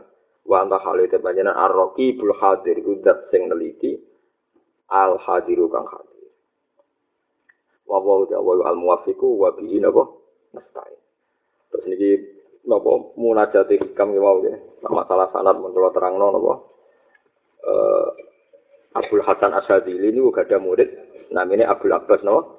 Al-Mursi Abdul Abbas Al-Mursi muridnya paling alim di Ibnu Atta'illah As-Sakandari ini gue sengarang hikam ini Mulane toreko sadilya khase iku al faroh billah. Wong kudu seneng mbek pangeran. Seneng nyaman. Sampai Abdul Hasan Asadili nanti ngendikan, aku tahu muka syafah ketemu pangeran. Terus takok maknane min syarril waswasil khonna. Terus dijawab pangeran, khonna siku li sadali kowe dilingno sisi-sisi elekmu. dilalekno sisi-sisi apikmu. Akhire gawe aku rapati seneng. Mulane wong kudu eling sisi-sisi apike ben tetep seneng Allah Subhanahu wa taala. Misale kowe tau dosa, tau maksiat, terus kowe nangis tobat. Kowe terus eling ya Allah sik sae ning jenengan. Wong kula tau maksiat tok jenengan paringi paringi napa? Tobat. Jadi kudu eling ngono terus. Pokoknya sekali ada sisi yang baik harus kamu ilingi. Mergo dikuatir, nak kowe iling sisi elek, eh, elekmu kok kowe putus eh sesat. Iki eling-eling. Mulane jare aku laksana sadali wong iku kudu eling nikmate Allah, ben dadekno seneng Allah. Piye seneng Allah tujuan hidup. Lah wong iso seneng nak delok sisi-sisi positif. Kayak misalnya gue di bojo judes, welek judes, ngamuan. Ini sabar wae. Piye-piye baru kayak bojo mi, gue di status gue bojo. Nah bojo ilang malah kowe jenenge dudo. Status dudo ku repot. Masih judes-judes ngono lah sing dadekno kowe ra di status dudo. Wong ra di status dudo gagah to. Gagah nek ana omah ngempet tapi statusnya napa? Ora napa? Ora dudo. Jadi hikam eling-eling terus hikam niku dikarang ambek Ibnu Athaillah As-Sakandari. yang baik muridnya Abdul Abbas Al Mursi. Abdul Abbas itu bukan pati ngarang kita. Beliau sing ngarang adalah muridnya sudah dimoncat. Terus hikam itu disarai Ibnu Abbad. Ini kitab sing betul ini sarah. Sonten sarah malin namanya Iqazul Himam. Insya Allah namanya As-Sayyid Ahmad bin Ajib. Di kulon itu nate sinau sarah niki, nate sinau sarah Iqazul Himam. Tapi intinya kabeh hasil hikam niku wau. Sampai pengeran itu manja. manja pol. Mengenai khas-khas iki-iki Jawa itu rilek. Mereka terinspirasi ben apa? Kadang di Jawa diceritani muridnya nakal, bulat mau guyut tok. Eh iya bocah macam-macam. Terus ilinge iku rahmate. Ilinge iku napa? Rahmate Allah. Itu suwon senajan sampean dereng iso nglakoni wae kudu yakin. Yakin enu yakin nek sing didhawuhno hikam musal-sal ngene wae. Nggak tahu ilah dari ini ku muridnya Abdul Abbas al Mursi, muridnya Abdul Hasan Asadili, muridnya Abdul Salam bin Masus terus ngantos kanjeng Nabi. Nah, sanat mriki nggih kula pun matur nggih. Sanat teng mriki misale kula Mbah Mun terus Mbah Zubair, Mbah Fakih Mas Kumambang terus Mbah Mahfud Termas. Iku muridé sing aran Ianatut Tapi sanat misalnya Mbah Mun, Mbah Karim, Mbah Karim muridé Mbah Hasim, Mbah Hasim muridé Mbah Khalil Bangkalan, Mbah Khalil menangis ya nawi napa. Mbah Khalil Bangkalan nanti ngaji teng pondok situ kiri. Mungkin ya sami. Terus silsilah silsilah kita itu jelas. Tapi mulai dulu tradisi ini ulama itu kot dimitiro ya ala riwayat. Apa kot dimitiro ya ala riwayat. Jadi uang kudu di sini dedikasi ngalah nono apa. Jadi ini kalau anggap hatam kalau bicara niat ngaji malih. Tapi kalau nu gak ada azam cukup kapan uh, Pokoknya kalau tetap ngaji, tapi itu kapan yang mesti yang permanen ngaji jalan. Pokoknya kalau pesen kitab hikam niku kitab sing musalsal sing dadi tradisi ini ulama seluruh dunia. Niku sinten sing aran ithaf niku Sayyid Zabidi. Niku sanate nggih dekat kula nate gadah sanat Sayyid Zabidi niku misale kula ngaos Mbah Mun, Mbah Mun ngaji Mbah Zubair, Mbah Zubair ngaji Mbah Fatih Mas Kumambang, Mbah Fatih ngaji Mbah Mahfud Termas. Mbah Mahfud gak ada abah alim, namanya Ki Abdul. Ki Abdul itu dia abah alim alama, namanya Ki Abdul Manan. Jadi Mahfud bin Abdullah bin Abdul Manan. Mbah Abdul Manan itu menangi sengarang ithaf. Nah, ini Indonesia sekali alim alim tenan. Kusanate meyakinkan. Jadi Mbak Abdul Manan, Mbak Mbak Mahfud. Ini muridnya sengarang ithaf sare Islam. Ada wong alim Indonesia sekali alim, alim tenan. Mereka cara sanat itu, apa?